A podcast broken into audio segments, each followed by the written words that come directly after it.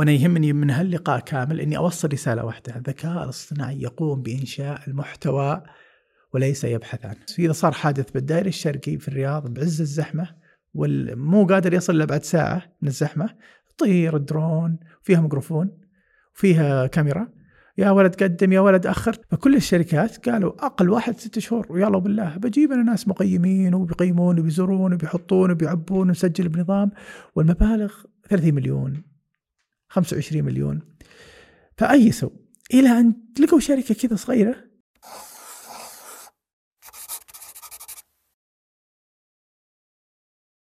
بسم الله. أهلا وسهلا بكم في كاف جديد وضيف فريد.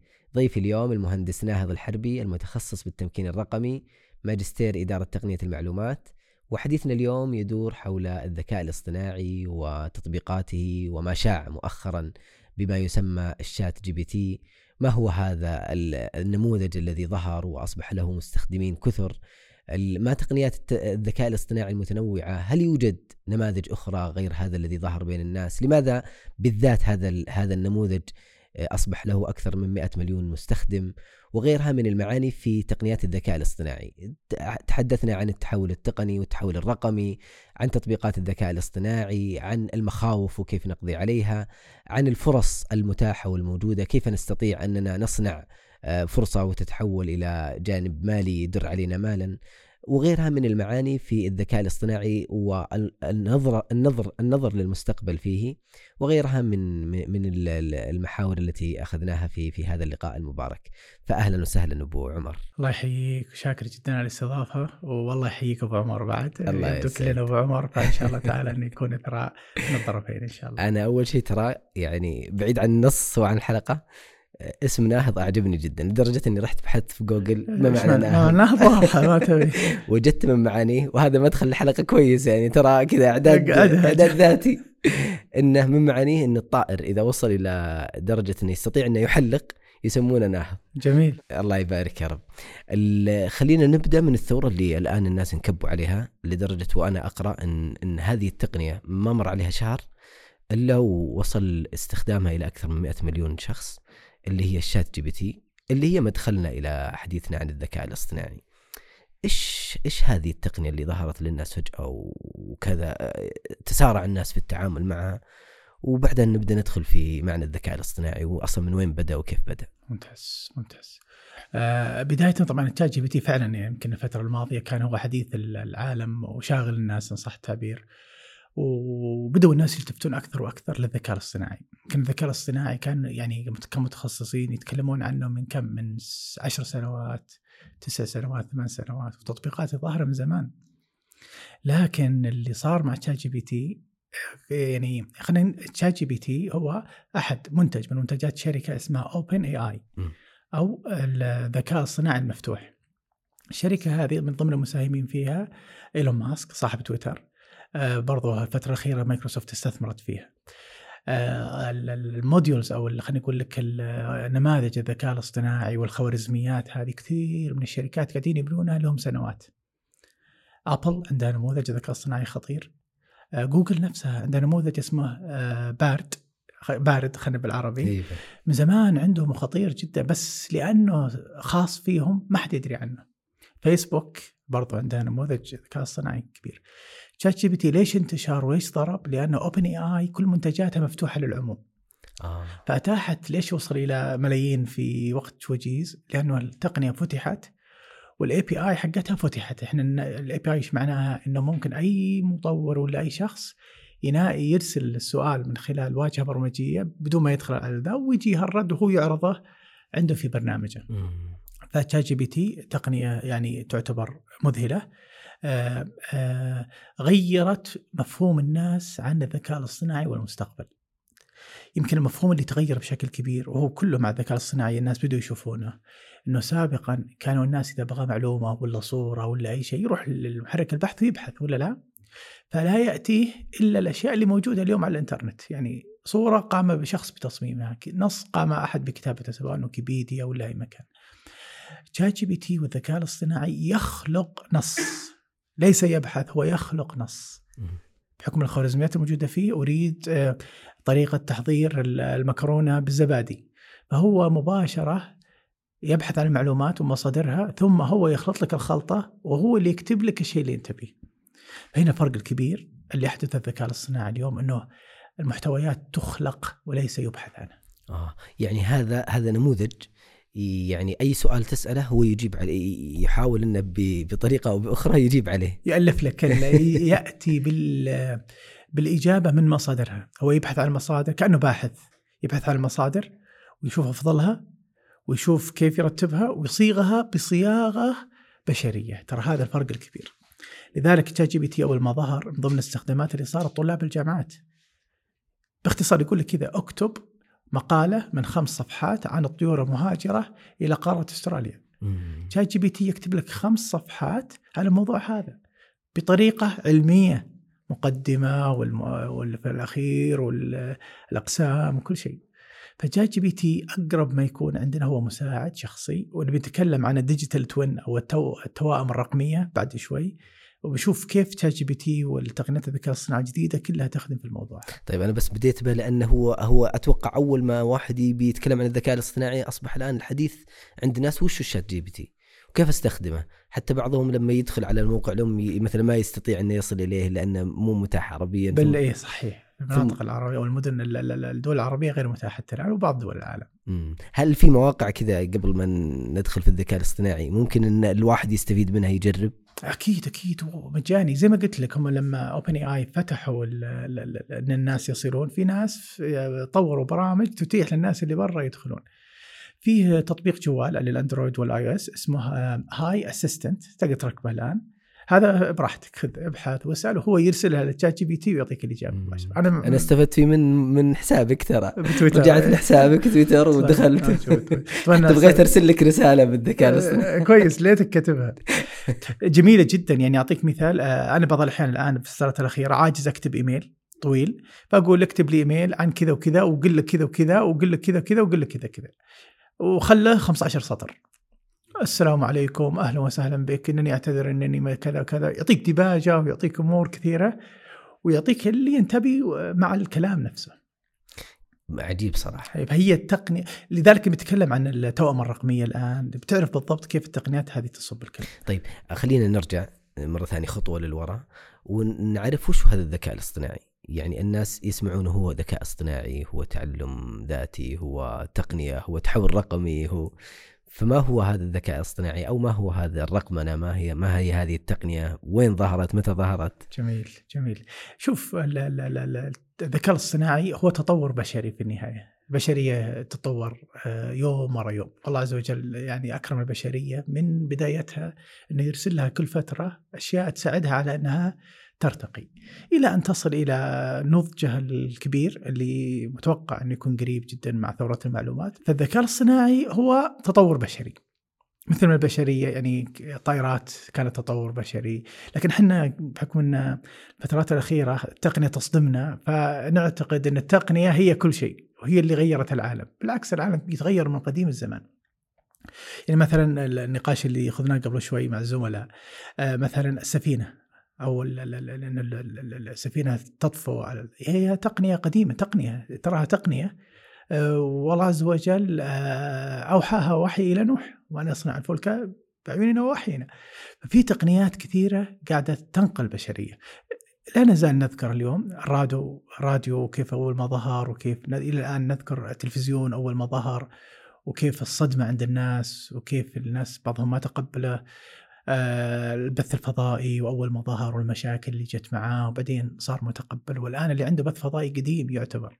ليش؟ لأن دخلنا على التلفزيون الجديد اللي هو يوتيوب وما شابهه. خلاص قديما يعني مثلا أيام البث الفضائي كان لما واحد يشغل بث خمسة ستة يتفرجوا عليه. اليوم تلفزيونك بجيبك. بثك بجيبك فلما نجي للتقنيات الغرب يؤرخها تطور التقنيات أنا بتكلم التقنيات وبجي للذكاء الصناعي يؤرخها بأربع ثورات صناعية الغرب آه وهي لها آثار اجتماعية وآثار على التوظيف وآثار على أشياء كثيرة فأول ثورة عند الغرب ليش؟ لأنه هو اللي آه قائد التصنيع يمكن ال 300 400 سنة 500 سنة الماضية. فالثورة الأولى كانوا يسمونها ثورة البخار. steam قبل البخار كانت الخيول آه، ذا وفي ناس يمسكوها. كان كانت السفن تعتمد على المجدفين أصلا. فكان البشر موجودين في مثلا لما اخترع البخار ظهرت السفينة البخارية تتحرك بالبخار وصار النقل بالقطار البخاري وصار وصار. مساكين اللي موظفين وين راحوا فترى نفس نفس. التخوف تماما اللي اليوم يعني في النهاية تحركوا إلى أماكن وفي الغالب أفضل من اللي كانوا موجودين عليها. ليش؟ لأن كانت ال- الوظائف اللي كانوا فيها فيها جهد تعب ودائما أو قاعدة لما تلاحظ الوظائف اللي فيها جهد كبير راتبها قليل. والوظائف اللي مكتب وذا راتبك عالي ولا لا؟ إيه صحيح هذا واقع واقع. إيش عامل النظافة المسكين يشتغل يكرف وراتبه كم 400 ريال 500 ريال وهذه قاعدة. آه، فال- الثورة الصناعيه الثانية عند الغرب هي ثورة الكهرباء كانت المصانع تعتمد على البشر إنه في خط الإنتاج هذا يخيط ويعطي اللي بعده ويعطي اللي بعده ويعطي اللي بعده فكانت كلها يعني مليانة بشر كمثال مصانع وأشياء ثانية. لما اخترعت الكهرباء صار السير آلي وكان في بعض الآلات تشتغل بالكهرباء اليا نفس التخوف كان موجود في ذلك الوقت، الناس وين بيروحون؟ الناس يفقدون وظائفهم. ال- الكهرباء ضيعتنا، الكهرباء أخذت رزقنا. ومع ذلك يعني صار في تموضع إعادة تموضع للوظائف. آه، كل اللي قاعد يصير رزقنا من رب العالمين وحنا كمسلمين مرتاحين بالنقطة هذه. ما في أي تخوف من النقطة هذه وهذا تطور طبيعي يصير للبشرية من الثورة الصينية الثالثة ثورة الحاسب الآلي وأنا شخصيا شهدت عليها بحكم يعني شايب شوي. أنا أذكر أول ما جاء الحاسب آه، سمعها يقول لك الكمبيوتر بياخذ وظائفنا المحاسبين الآن ما خلاص كمبيوترات أيام. صخر و... لا لا قبل بعد؟ بعد بعد, ال- البنتيوم والشغلات ال- فتخوف كان حقيقي لأن الكمبيوتر ذكي قبل الكمبيوتر الآلة الحاسبة لما اخترعت في ذلك الوقت قالوا خلاص البشر يعني ما راح يستخدموا عقولهم والاله تبي تصير تحل خلاص كل شيء تفكير والآن البشر الآن يفكرون ويحسبون فلما جاء الكمبيوتر الناس تخوفها كان شبه حقيقي لكن وش اللي صار مع الحاسب الالي؟ وفر ثلاثة أضعاف الوظائف اللي كانت موجودة في ذلك الوقت مبرمجين مصممين فوتوشوب أم، محللي بيع ومشترى عليه. وهذه قاعدة سبحان الله يعني أنا أعتقد من الذين يعتقدون بأن التطور التقني وتطور البشرية بشكل عام هو من صالحنا. الثورة الصناعية الرابعة هم يسموها ثورة الذكاء الاصطناعي. وجاية مشاكلها وتحدياتها وكل شيء متوقع أن عدد الوظائف التي ستخلق من الذكاء الاصطناعي أربع أضعاف الوظائف الحالية. عجيب نعم. طيب وين التخوف الآن الناس فعلا يقولون يعني خبر يقولون عشرة آلاف الوظائف صحيح؟ بعض التخصصات من الحين يدورون لهم مكان آخر اي. تدري وين المشكلة؟ هي إعادة تموضع، يعني في ذلك الوقت أيام الكمبيوتر أول ما جاء وش هي وظيفة مبرمج يعني؟ ما كان أحد يتصور إن فيه وظيفة تصير مبرمج. ما حد كان يتصور رسامين يرسمون إنه بصير أنا مصمم و UX UI وبطلع إبداعات وببيع وشغلات. فطبيعة الوظائف ما تجي على البال ما تجي على البال مو وظائف تقليدية اللي إحنا متعودين عليها. والذكاء الصناعي اليوم تخيل أربع أضعاف يعني حتى في تقرير معهد ابحاث مشهور اسمه جارتنر آه، يعني إن شاء الله نستعرض جزء منه خلال لو أمدانا. بيثبت أشياء كثيرة يعني آه، بالموضوع ذا. لا في وظائف جاية بتستغرب من اسمها وتستغرب من نوعها وتستغرب إنك أنت ممكن تشتغل فيها. فهذا بالنسبة لتاريخ الذكاء الاصطناعي زي ما قلت طبعا الذكاء الاصطناعي آه، تطور برضه علمي تطور آه، يعني آه، بحثي تطور يعني عدة علوم اجتمعت مع بعض لتكون ما يسمى الذكاء الاصطناعي طيب أبو أبو عمر يعني الآن إحنا أخذنا هذا التاريخ اللي حتى نعرف إحنا آه، وين وصلنا من من البداية إلى إلى ما نحن عليه اليوم. ال ال هذا الذكاء الاصطناعي قاعد يتسارع ويعني حتى كنت أسأل الشباب آه، ال ChatGPT يعرفونه؟ يعني تخيل إن بعض الناس إلى الآن ما ما بعد ما بعد استوعب إنه وصل لل ChatGPT وغيره من من من تقنيات الذكاء الاصطناعي. فالتسارع هذا كيف اولا نستطيع أن نواكبه؟ وكيف إننا نستطيع إننا نستثمره؟ جميل. يعني آه، وش كيف نستطيع أن نعرف هذه التق- هذه التقنيات اللي موجودة؟ و... ترى الذكاء الاصطناعي إلى الآن ما شفنا شيء يعني هو في البدايات ترى يعني إذا أنت الآن ChatGPT صدم الناس. إيش إيش حيقولوا بعد ثلاث سنوات؟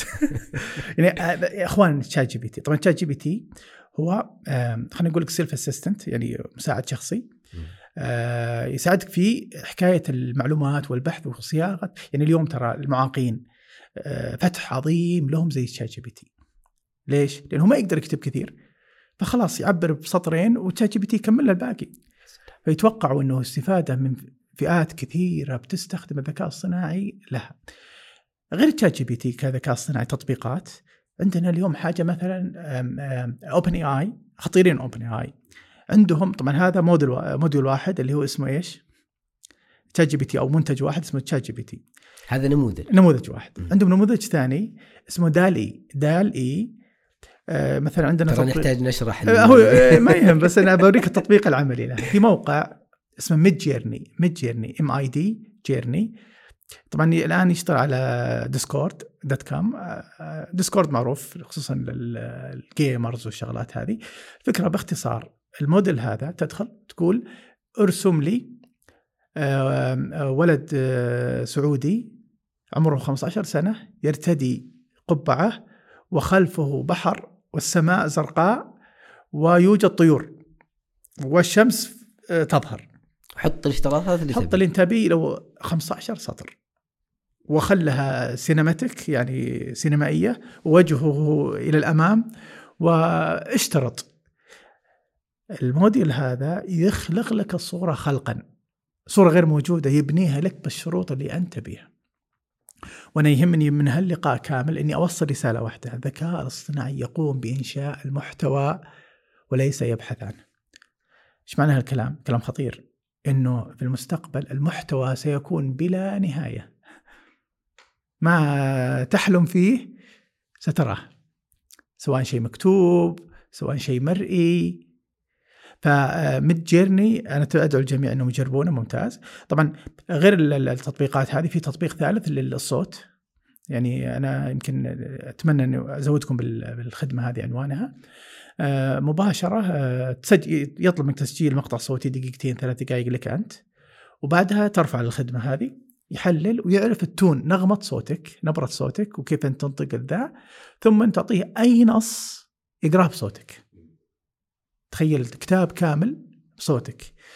آه، في خدمة ثانية اسمها دي اي دي دي ناقص اي دي هذه تعطيها أي صورة لك مثلا صورة ثابتة بس تكون مواجهة وتعطيها نص يحرك لك الصورة شفايفك وعيونك وكذا كأنك أنت اللي تتكلم النص هذا. فأنت تقدر تعطيه نص ويقرأ لك بصوت هو مجهزه أو تعطيه صوتك اللي سجلت قبل شوي هو ينطقه بصوتك. بمعنى آخر آه سنرى ما يسمى التوأم الرقمي لنا. نسخة منك تشبهك تتكلم بكلامك. المحتوى اللي موجود يألفه الاي اي فاذا أنت مشغول عندك اجتماعات مدري إيش شغل ال- التوأم الرقمي يتصرف يروح يتكلم عنك ويزين ويخلص وكل شيء. بس هل هذا بيخيفنا ولا مفترض إننا نحلق معه؟ آه، يفترض نستفيد منه صحيح. ولذلك لما تنظر المستقبل بعين ال- الخوف والشك والريبة سترعب. مرعب جدا. وبعين المستفيد بعين اللي إيش ممكن أستفيد؟ كيف أقدر أنا يعني أطوع مثل هالتقنيات لي ولأهدافي وبعض الأحيان دعوتي وبعض الأحيان؟ حتجد فائدة عظيمة جدا.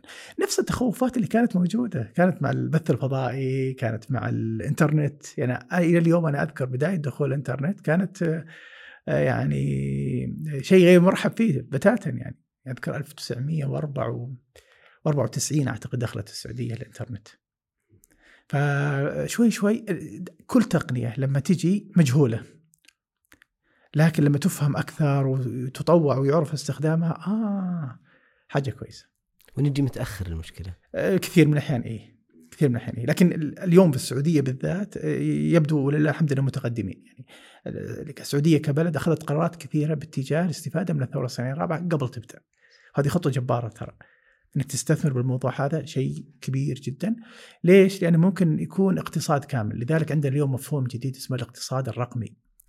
إنك من الرقمنة ومن الأدوات الرقمية تجيب فلوس.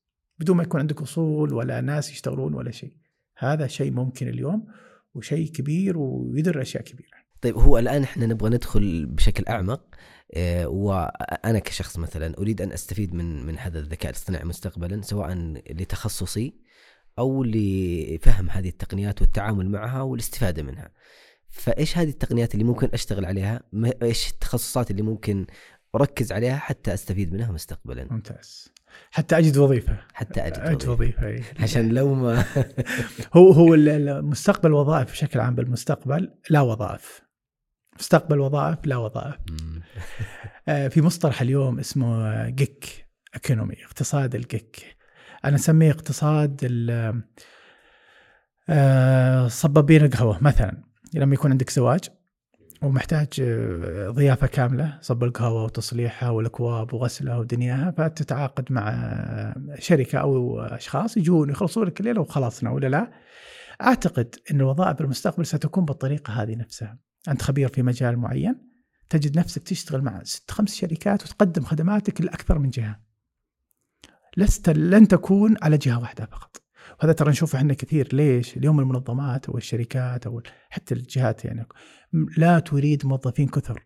يعني زيادة عدد الموظفين وإنه دائما أنا مرتبط فيه وأعطيه رواتب وأعطيه تكلفة علي لأن بعض الأحيان ما يكون في شغل أصلا.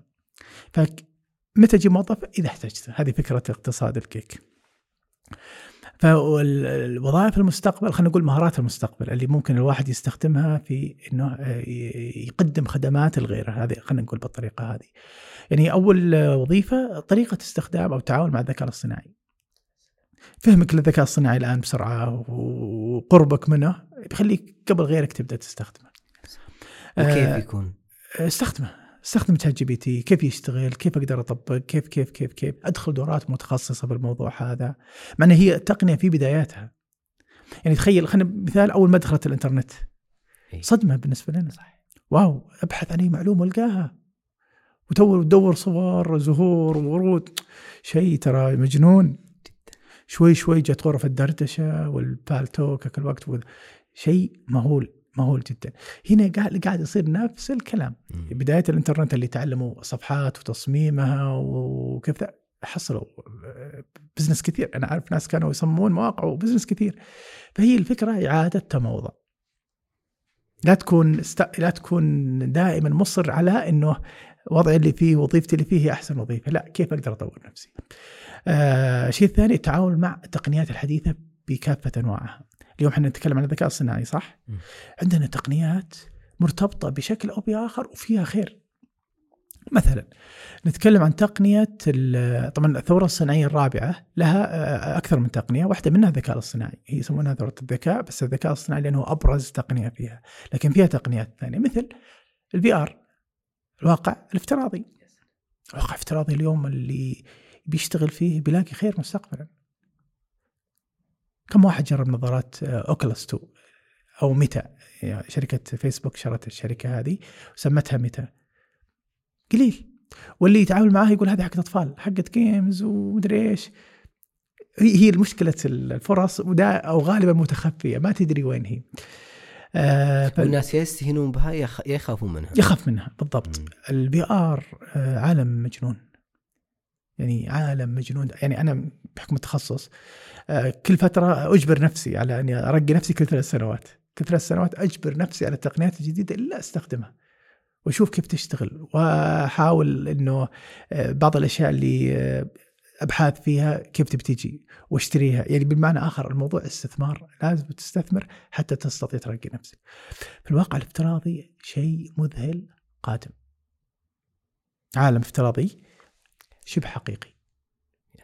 وتغوص فيه ساعتين ثلاث ساعات أربع ساعات يعني مثل النظارة هذه فيها يوتيوب جوالك فيها. فيها آه، برامج رياضة وتمارين صباحية. فيها آه، آه، رحلات كاملة حقيقية ب 360 درجة. بمعنى أنت لما تلبس النظارة دخلت بعالم ثاني. دخلت بعالم ثاني بدون ما تشعر لأنه حقيقي يعني أو شبه حقيقي.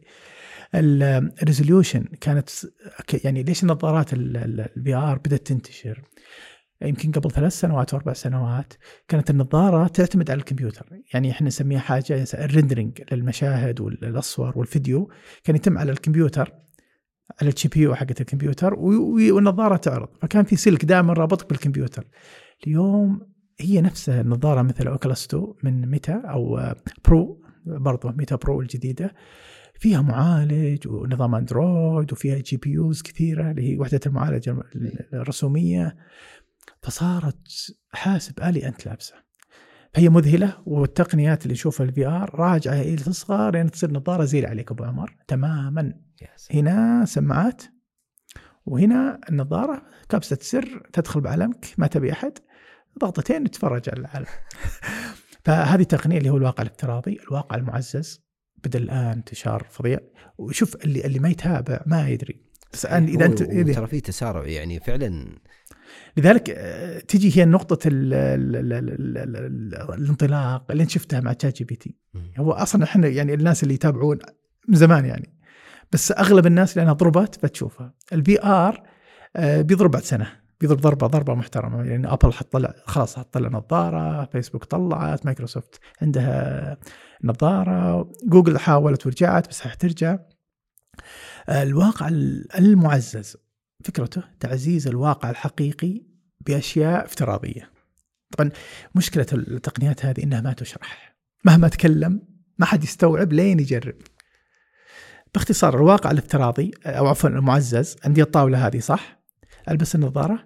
هنا بحط لي وردة وهنا بحط لي شاشة فيها آه، قنوات فضائية. وهنا على الجدار بحط لي كذا فمجرد ما ألبس النظارة كل يوم تفرج ولا كأن في شاشة في شاشة شغالة وكل شيء. لذلك يقولوا بيوت المستقبل ستكون جدراء بيضاء صماء. معززة بالواقع المعزز. ما أدري فهمت شيء؟ لا لا أنا قد شفت مقطع عن 2050 انه أصلا الجدار ما عليه شيء بس إنه كله هو واقع معزز واقع معزز و... ترى إحنا رايحين كذا ترى. طيب غيرها؟ هل... آه في الواقع المختلط أو ال mixed reality طبعا إحنا نتكلم virtual reality augmented reality اللي هو الواقع نبي ترجمة. إيه لا هو مشكله المصطلحات دي لازم هذه ترى إشكالية. يعني حتى هذا الذكاء الاصطناعي من أكبر إشكالياته إن اللغة العربيه ما يخدم اللغة العربية. يخدم اللغة العربية. يعني يجي متأخر. أكيد ما مو إحنا مخترعين يعني ترى الناس في كل أمة آه والعلماء في كل أمة يخدمون أمتهم. صحيح. آه لكن يعني آه، ترى متقدم جدا باللغة العربية. لو تجرب باللغة العربية ChatGPT بتذهل من النتيجة. ستذهل من النتيجة. يعني أنا كل يوم آه قلت له كذا برجع لل X virtual وال AR بس آه، قلت ChatGPT يا شات باللغة العربية. أكتب رسالة باللغة الإنجليزية. إلى شركة تويوتا تخبرهم فيها أنني آه، كرهت موديلاتهم آه، سنة 2020 وتكلمت بالعربي. بالعربي. كتب لي باللغة الإنجليزية. Dear Toyota أنا عميلكم سابق ولكن للأسف إني أنا الآن فقدت ولائي لكم لأن سياراتكم موديل 2020 ما عجبتني وأنا أتمنى أنكم تعدلون الكلام هذا وتستطيعون تتواصلون معي حتى تأخذون آه، رأيي بالموضوع وأنا أتمنى أنكم أنتم شركة جميلة. إيه. فهذا مثال على ChatGPT الواقع الافتراضي واضح الواقع المعزز إن نعزز الواقع بأدوات افتراضية الواقع المختلط هذا لا يشرح مستحيل مهما تكلم أحد يفهمه. لكن فكرته باختصار خلط كل شيء مع بعض حقيقي على افتراضي على كل شيء. وأنا يمكن ما فهمته لين جربته أصلا يعني شغلته في أدوات كذا فتشوفه بشكل كبير. من ضمن التقنيات غير الواقع الافتراضي والمعزز والمختلط؟ أنا أبغى الكلمات اللي جاءت. اللي وين؟ اللي كنا نبغى ترجمتها. حقت إيش؟ آه آه إيه. ال virtual reality الواقع الافتراضي. أيوه. augmented reality الواقع المعزز. لذلك augmented reality AR أها. virtual reality VR Mixed reality غالبا نستخدم إحنا ال X XR فهذه مصطلحات ذا. شوف بالنسبة للمصطلحات اللي تيجي مع التقنيات الجديدة طبيعي إنها ما تكون تقنياتنا. والدليل إنه خدمة كلمة إنترنت صارت الآن دارجة عندنا عادي وهي مو عربية ولا لا؟ وبالصدفه وش تعريف الإنترنت؟ عبر الفضاء. لا الشبكة العنكبوتية. فبعض الأحيان خلها على أصلها لين نلاقي لها مصطلح ونكمل عليها.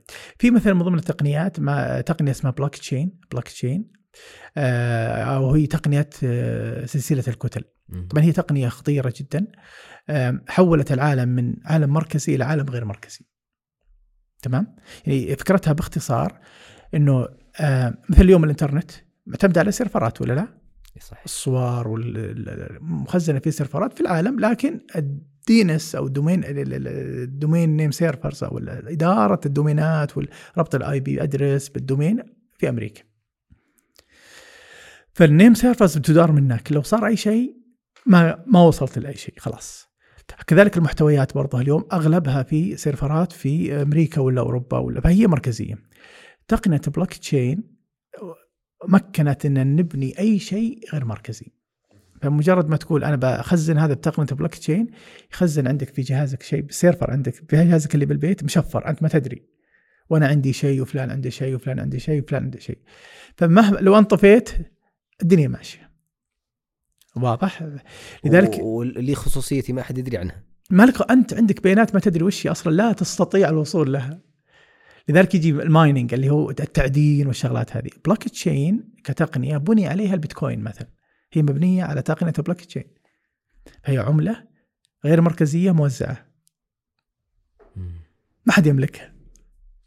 قوتها بتشفيرها. لذلك البلوك تشين ولا كل التقنيات ال cryptocurrencies العملات الرقمية ولا التقنيات اللي بتبنى على البلوك تشين قوتها بتشفيرها. كشف التشفير خلاص انتهت التقنية. فهذه تقنية البلوك تشين متوقع الانترنت الجديدة كلها مبنية بلوك تشين السجلات الطبية أغلب قواعد البيانات الجديدة ستكون مبنية على البلوك تشين يعني قواعد بيانات غير مركزية. يمكن هذا التوصيف البسيط اللي أقدر اوصف لك. من ضمن التقنيات اللي قاعدة تحسب من تقنية التحول الرقمي drones الطائرات. تراها يعني ال drones لم تبدأ استخداماتها الفعلية حتى الآن للعلم يعني. اي يمكن يستخدموها الآن شوي بال- بالحروب. حكاية لانها تطير على يعني على مستوى منخفض فالرادارات ما تكشفها. استخدموها خصوصا بالتصوير. الآن ال drones تصوير تصوير. لا لا لا لا ال drones لها استخدامات كثيرة لكن فيها تحديات شوي تحل خلاص. من ضمن التشريعات من ضمنها يعني الأفكار. مثلا drones مثلا آه، نجم. لابد يستخدم drones إذا صار حادث بالدائري الشرقي في الرياض بعز الزحمة ومو قادر يصل إلا بعد ساعة من الزحمة. طير الدرون فيها ميكروفون وفيها كاميرا. يا ولد قدم يا ولد أخر خلاص يلا تحركوا قضينا يعني بعد الحادث يمكن بربع ساعة والدنيا خالصة. مثلا في drones اليوم تحمل البشر. أنا أتمنى يوتيوب تكتب يعني درون طير بك داخل المدينة خصوصا للناس اللي بي VIP طير توديك وتجيبك. فيه مثلا drones لها يدين يعني طبعا نتكلم عنها شوي قدام ف خيال كله خيال، إيه. مع الخيال خيال موجود بس عاد ماشي اعتبره خيال اعتبره خيال. الدرون له يدين بمعنى مجرد ما تلبسها أنت وتصير الشاشة قدامك تمام؟ ودخل يدينك داخل ال- controller حق الدرون وهي طايرة لها يدين ها؟ ففيه ماسورة فوق هناك سلك خربان. أنت مجرد ما توقف عليه تشوف السلك وتشتغل هنا وضبط هناك. ما أدري فهمت ال- فهمت بس إنه موجود هذه الآن. هذه جاية بالطريق فيصير السباك والكهربائي يشتغل لك وهو ببلد ما يحتاج إنه يجي إذا كان يعرف. ففي تقنيات مذهلة مثلا drones برضه من ضمن الأشياء الدليفري التوصيل وما التوصيل يعني اوبر تجاربهم كثير على ال drones توصيل ال- الأكل. يعني كاشت بالبر وين جاية درون. من أقصى الدنيا جايبت لك الطلبية.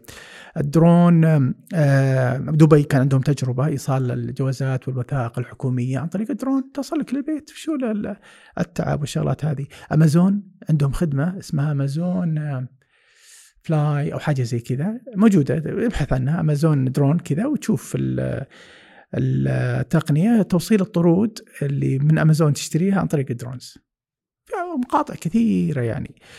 آه استخداماتها كثير. كثير. يعني تخيل آه، بحلم شوي ها.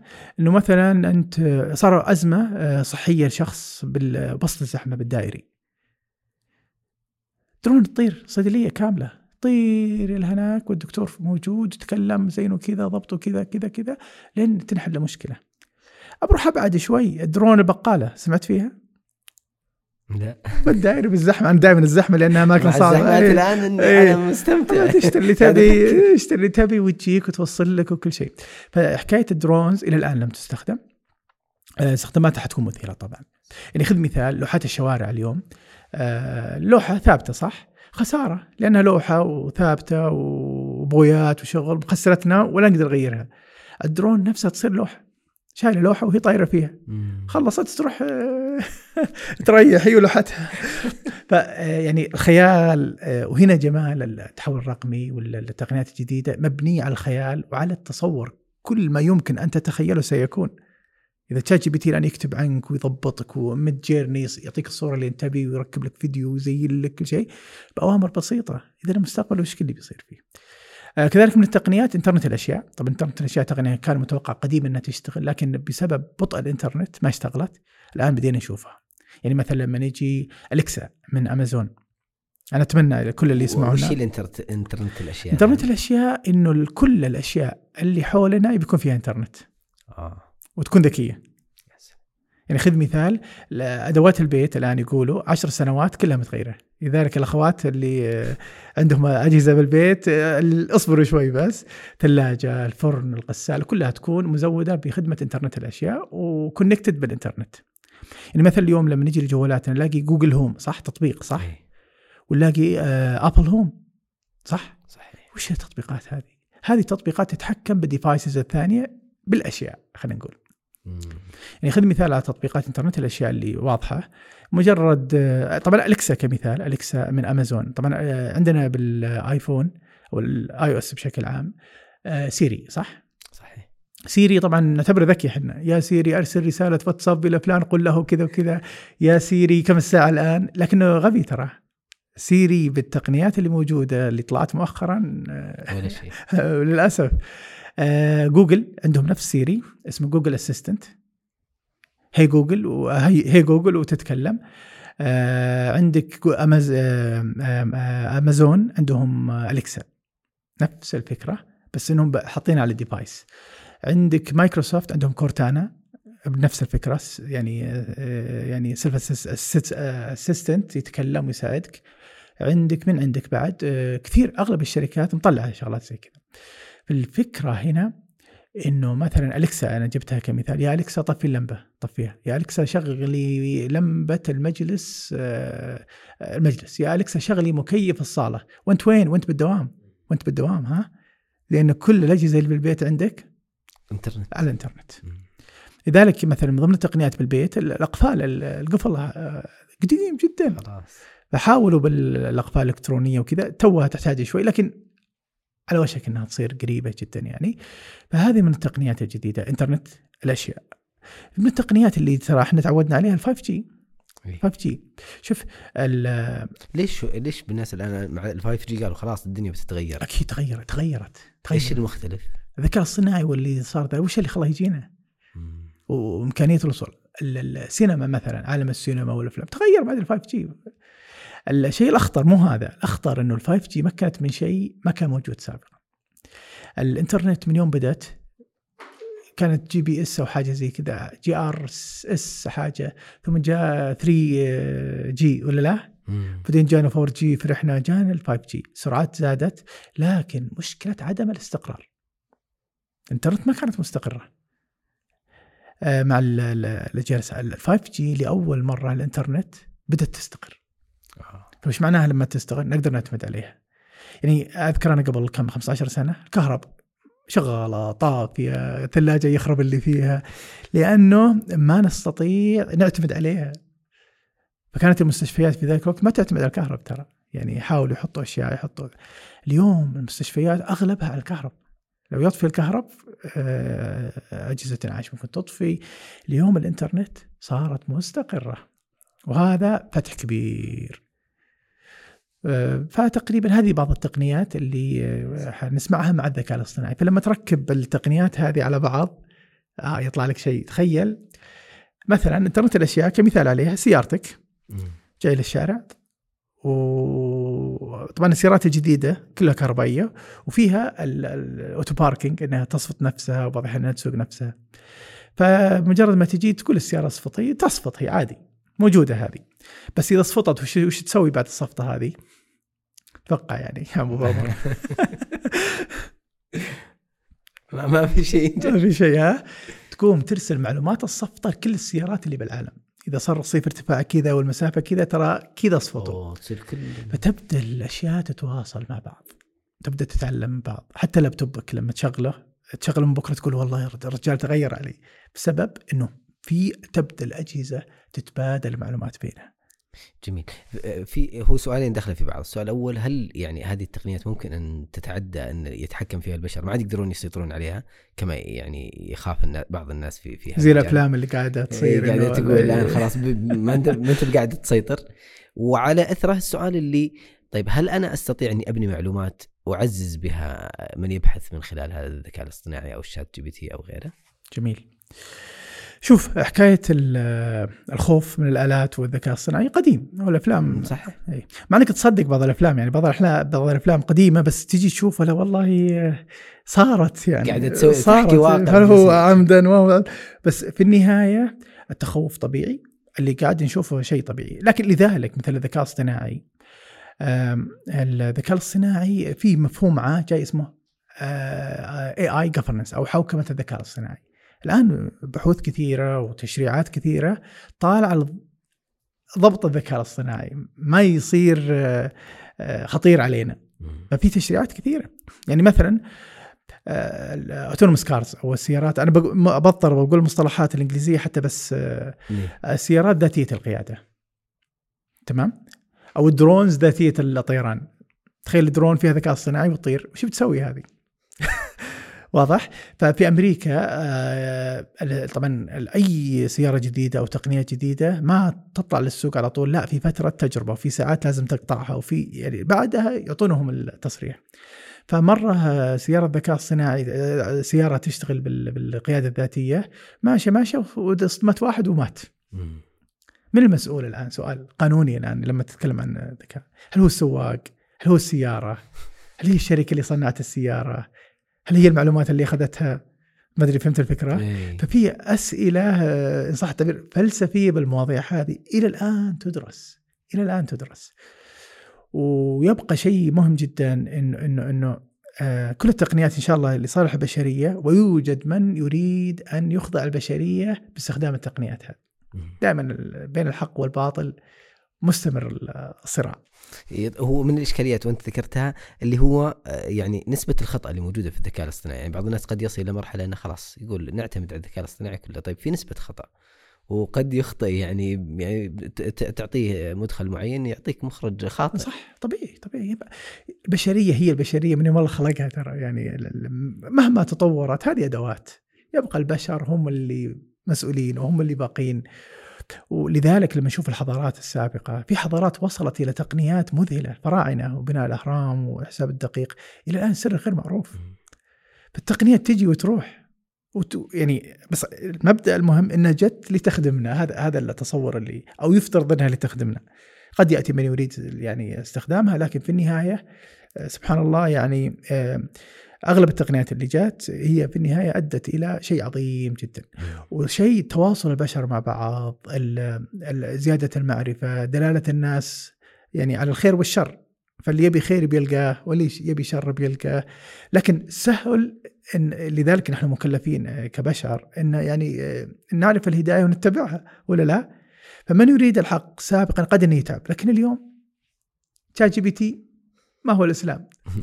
ChatGPT قارن لي بين الإسلام والنصرانية وكذا في موضوع الأسرة. يعطيك مقارنات يعطيك شغل مرتب. هل هو صح؟ هل هو غلط؟ هذا اللي بنشوفه الفترة الجاية. وهذا السؤال صراحة هل نستطيع أن نستثمرها في يعني مع انتشار الآن في مثلا آه، دخول الإسلام الدعوة للإسلام الدعوه الله عز وجل؟ طبيعي طبيعي طبيعي. أصلا المعلومات اللي اليوم موجودة يعني أنا استغربت مرة واحد سأل ChatGPT عن عن حاجة كذا بالإسلام والله حسيت إنه شيخ ما شاء الله تبارك الله اللي يفتي. ففعلا يعني ال يعني يعني الذكاء الاصطناعي يحاول يحاول إنه يخدمك بالشيء اللي أنت تريد ويعطيك شيء مخصص لك أنت. طبعا ياخذ طريقة كلامك ديانتك الأشياء اللي سويتها الأشياء اللي تعتقدها وبعدين يبدأ يشوف المصادر ويخلط وفي النهاية يعطيك الشيء اللي أنت فيه لذلك آه، هو وسيلة خلينا نقول تتيح أشياء كثيرة يبقى أنت المسؤول دائما عن الأخذ أو عدم الأخذ فيها. سلام.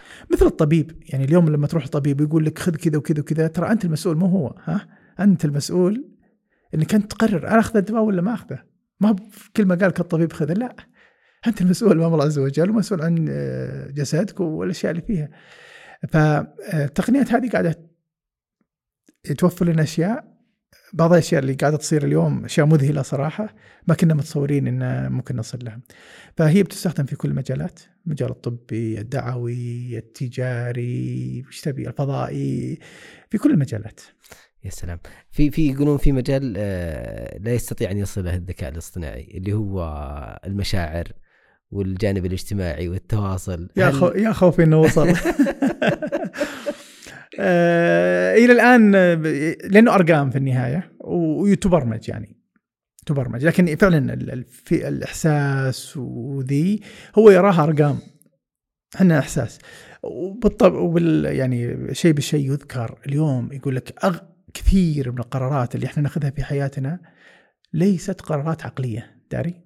عجيب اي وش هي قرارات إيش توقع؟ عاطفية؟ لا قلبية آه. شوف نفسك تختار شيء موضوع صعب ما تجلس تقرر فيه. وتجي و... على أي أساس؟ ولا معطيات متشابهة تماما.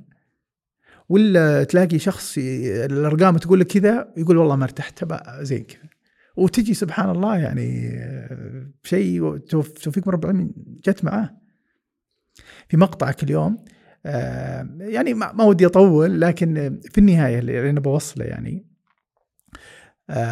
ذكاء اصطناعي VR AR كلها وسائل إحنا قاعدين نستخدمها حتى نستطيع إن نرتقي كبشرية.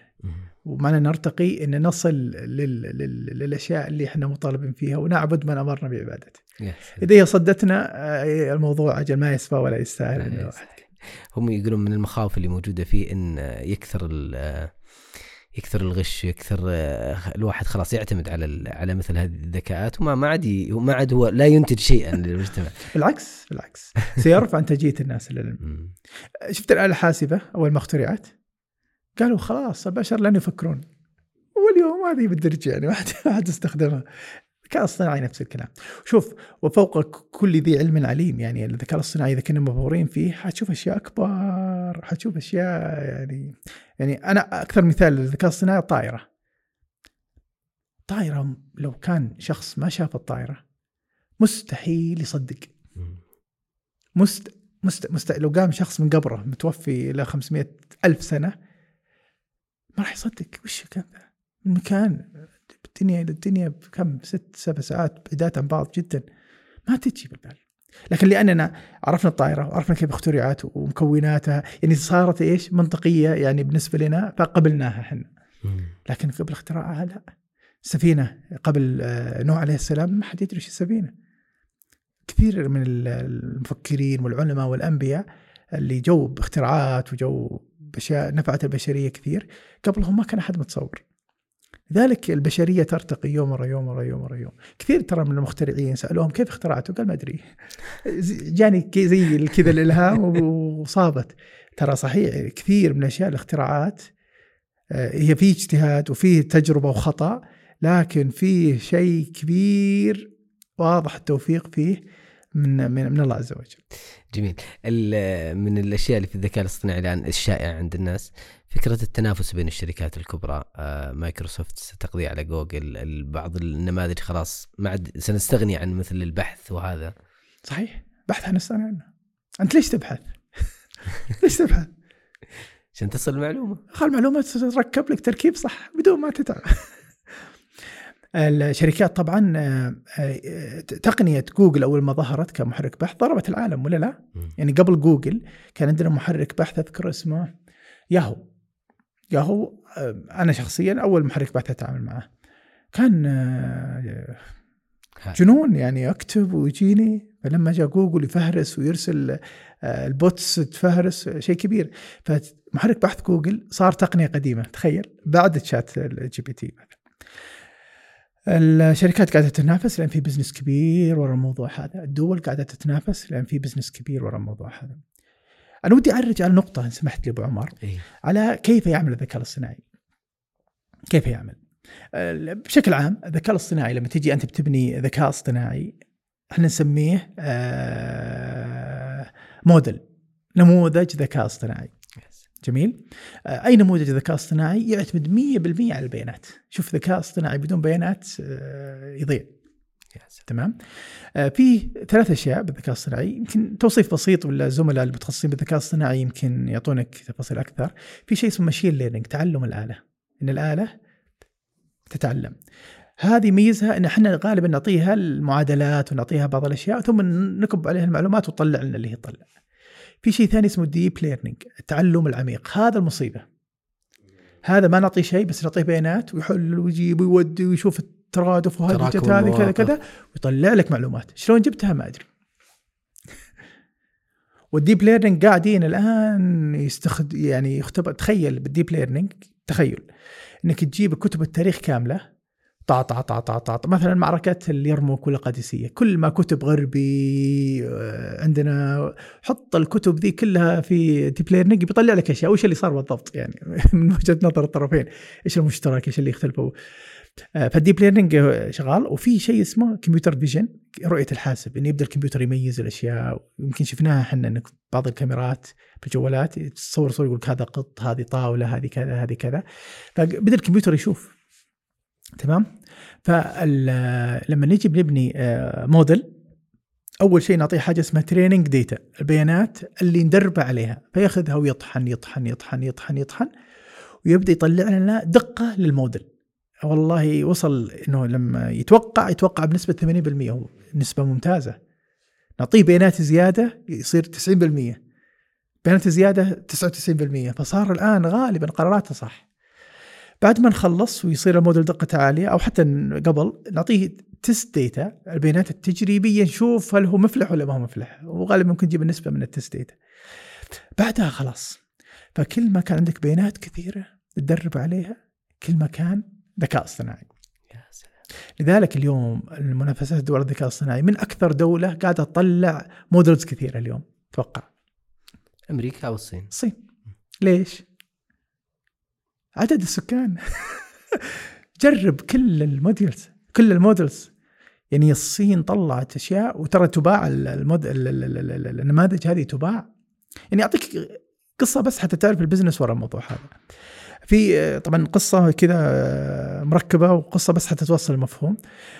فيه جهة عندها مليون عقار بين أراضي وبين بيوت وبين كذا. ولابد العقارات دي تقيم ماليا خلال أسبوعين. مليون.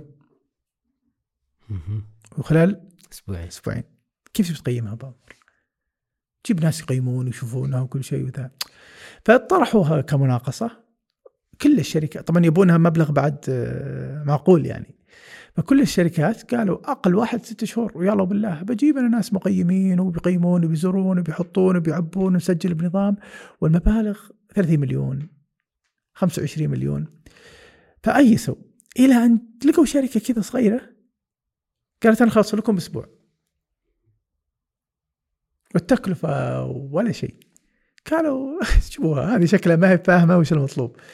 فجت قالوا إحنا شركة عقارية عندنا أصول عندنا ديتا دربنا بنينا نموذج ذكاء اصطناعي لتقييم العقارات بناء على الديتا اللي عندنا. فخلونا نعطيكم أعطونا تست ديتا من الأشياء اللي عندكم وندخلها على ماكينتنا. لما دخلوها طلعت نسبة التقييم كم؟ الدقة 70% ممتازة. فاتفقوا اتفاقية. طبعا البيانات اللي عندهم كثيرة صح ولا لا الجهة هذه؟ فمجرد ما دخلوا البيانات وطلعت تحسنت نسبة الدقة بشكل كبير مرة. ما أدري فهمت الفكرة؟ إي.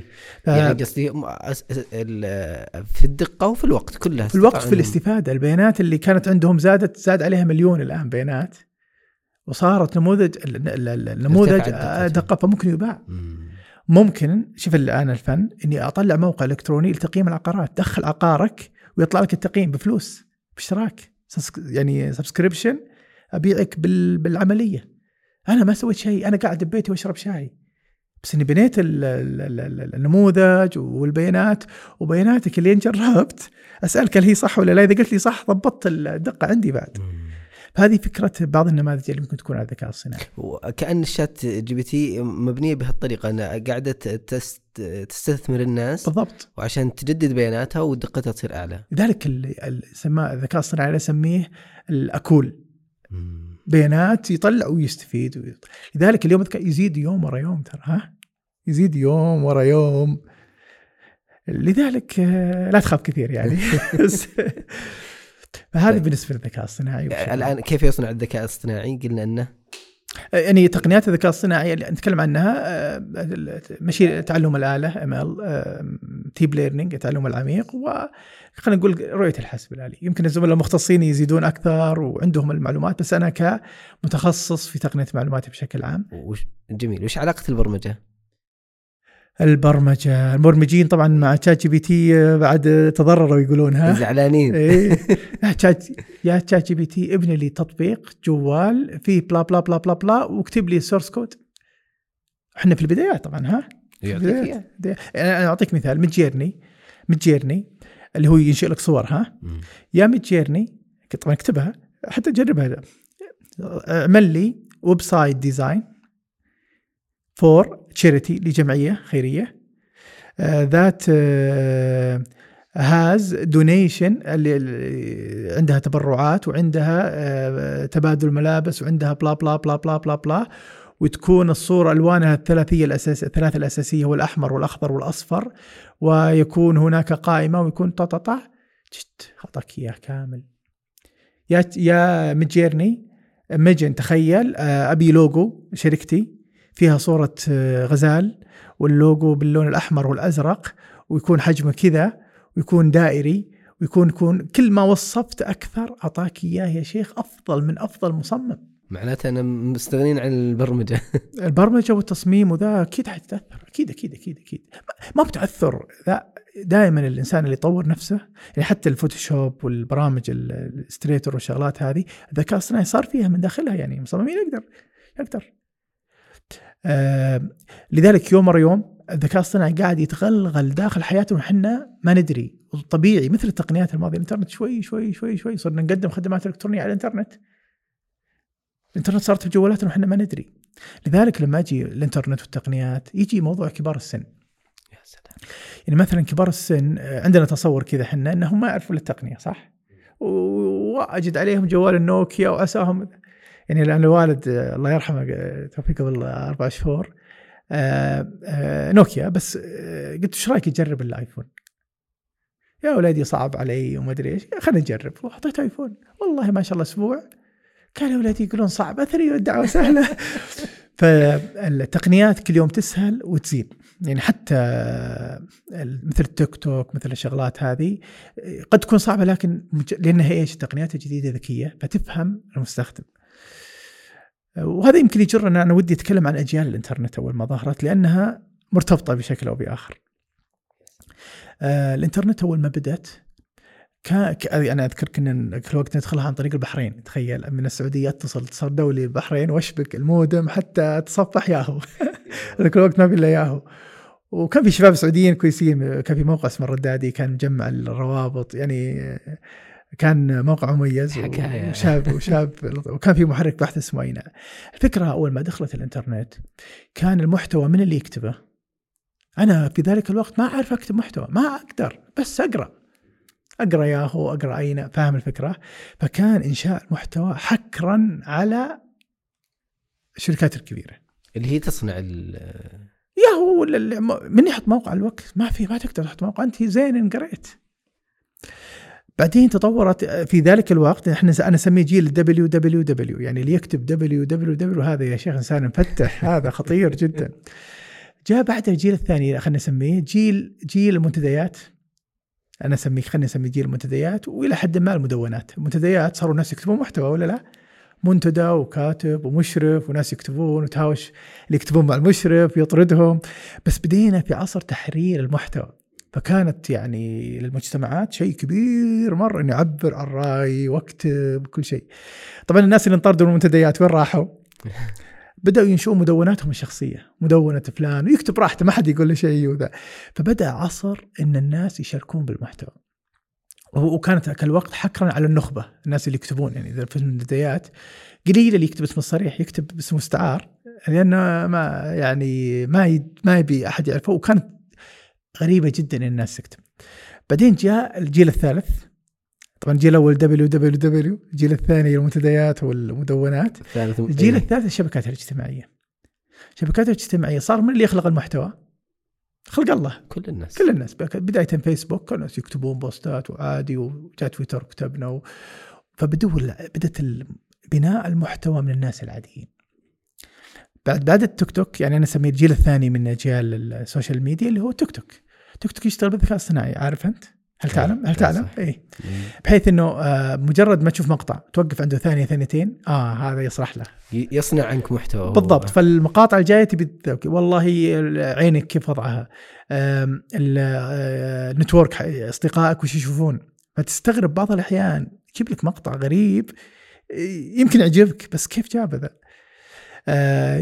يوتيوب يعمل نفس الشيء. ال recommended المقاطع المقترحة باليوتيوب. احذر يعني أنا أحذر كثير منها لأنه فعلا قاعد يدرسك اجتماعيا. وبعض الأحيان يدخلك أشياء ما بشوف بس هل أنت تستهويك ولا ما تستهويك. آه، فالتيك توك كمثال آه، مع الوالد الله يرحمه نفس الكلام أنا أحب أجرب مع الوالد كثير. وصديقي الله يرحمه فكنا الله أخذين رايحين. جايين. فالتوك توك قلت وش رأيك اجرب التيك توك؟ أنا ماني أنا ناهض ماني براعي تيك توك للعلم يعني ولا سناب شات يعني يعني ما أدري بس كل إنسان يقبل و... فقلت أبغى اجرب التوك توك. فقال لي وليدي يقولون إنه ما هو زين. قلت والله يقولون بس أنا سمعت إنه زين يعني. فقال طيب أبشر. شغل شغل شغل شغل. طبعا آه، آه، قصايد صور بعرين مدري إيش. جيت بعد أسبوع. حط الإعجاب تبدأ تزيد. إي ما هو ما يعرف بس خلاص. بس بعد أسبوع جيت قلت كيف الوضع؟ قال يا وليدي والله ممتاز. يعطيني اللي نبي. وين اللي هم يقولون؟ في اليوم التقنيات قاعدة تتطوع علينا. الأجيال الإنترنت اللي قلتها لك قبل شوي جيل WW بعدين جيل المنتديات بعدين مشاركة كبيرة بالمحتوى. دخلنا الآن في ما يسمى ويب 3 الإنترنت الجيل الثالث. طبعا اللي قبلها كانت ويب 2 اللي هو ال social media وكذا إنه الإنترنت ستكون غير مركزية لا أحد يتحكم فيها. هذا ال- الإنترنت الجديدة ما حد يقدر يتحكم شيء خلاص. خلاص ما حد يقدر يتحكم شيء. تستطيع إيصال محتواك للي أنت تبي ولا حد يقدر إنه يعمل restriction ولا يعمل إنه هذا يظهر ما يظهر خلاص. فهذه آه، أجيال الإنترنت. الجيل الثالث والأخير مطعم تماما بالذكاء الاصطناعي. الذكاء الصناعي كبير يعني. وشفت ترى الذكاء الصناعي آه، أغلب الأشياء ما في أبغ لا يرى. شفت المكنسة الكهربائية اللي تنظف هذه بالبيت وتروح ذا. فيها شوي ذكاء اصطناعي فغالبا يكون امبيدد أو مدمج آه، استخدامه. في ناس يعني خليني أقول لك هذا السؤال يقولوا هذا كل الكلام عن الحالم والمستقبل ماذا لو آه، انتهت هذا ه- هذا الانترنت وهذا الذكاء فجأة؟ ممكن صحيح. مثل ما انتهت الحضارات السابقة. الحضارة الفرعونية راحت بتقنياتها حضارات كثيرة ترى. إرم ذات العماد يقول عز وجل التي لم يخلق مثلها في البلاد. وش السر؟ راحت هي و... آه، قارون. إن قارون كان من قوم موسى فبغى عليهم. سألوه من ضمن التفاسير أنه قارون آه، كيف يجيك الذهب هذا؟ فكان يقول إيش؟ إنما أوتيته على علم على علم عندي. فكانوا كثير بعض المفسرين يقول إنه الله عز وجل علمه إنه يحول المعادن إلى ذهب. فهذا علم عندي أنا. فخسفنا به وبداره الأرض. راح السر حقه معاه إذا كان هذا تفسير صحيح. فلا ممكن جدا جدا جدا. لكن شيء مهم بالموضوع هذا البشرية. الله عز وجل أمرنا بتعبده وطاعته وتسخير كل ما يتم اختراعه آه، للموضوع هذا لرسالتنا. والبشر هم آه، خلفاء الله في الأرض يعني. فيجب أن الخليفة يكون على قدر الاستخلاف ويعمر الأرض يعمر الأرض. آه، لو تكلمت عن التقنيات الجديدة ستصدم طبعا. طبعا آه، ملاحظة بس مهمة. إحنا نصدم بالتقنية إذا بدأ استخدامها تجاريا ما تلاحظ؟ صحيح. وإذا وصلت للمستخدمين العاديين من اللي وصلها المستخدمين العاديين؟ غالبا الشركات. وملاحظة بالتقنيات بالذات الحديثة تبدأ من اللي يبدأ ويصنع فيها أتوقع؟ استخدامات عسكرية ترى ها؟ أوه. عارف؟ لأنه الدول اللي تحارب تسعى لأن تنتصر في المعركة فأغلب الأبحاث والدنيا كيف نقدر نسبق غيرنا؟ يعني مثلا الإنترنت من اللي اخترعها؟ بنتاغون جيش أمريكي ها؟ وكان اسمها ARPANET في البداية. ضبطت وتكزت وظروفه كيف يتعامل معها فتحوها تجاري. الامريكان شاطرين بتحويل الأمور نظام ال GPS. ترى في نظام هو أمريكي طبعا وكدار بعدين فتحوه للعموم ترى. في نظام روسي ممتاز جدا وأعتقد إنه أحسن من ال GPS. ليش ما استخدم؟ فتحوه للعموم. OpenAI OpenAI ليش بدأت تستخدمها فتحوه للعموم. لكن في تقنيات. اليوم مثلا في ما إذا ودك تعرف التقنيات اللي جاية بعد سنتين خمس سنوات ما هي بسر ترى ليست سرا. ومعاها ابحاث كثيرة تنشرها. يعني أنا مثلا آه وسائل التباعد الاجتماعي التباعد الاجتماعي كورونا وذا يعني في أحد معاهد الابحاث كان متوقع قبل قبل كورونا إنه هذا حيجي.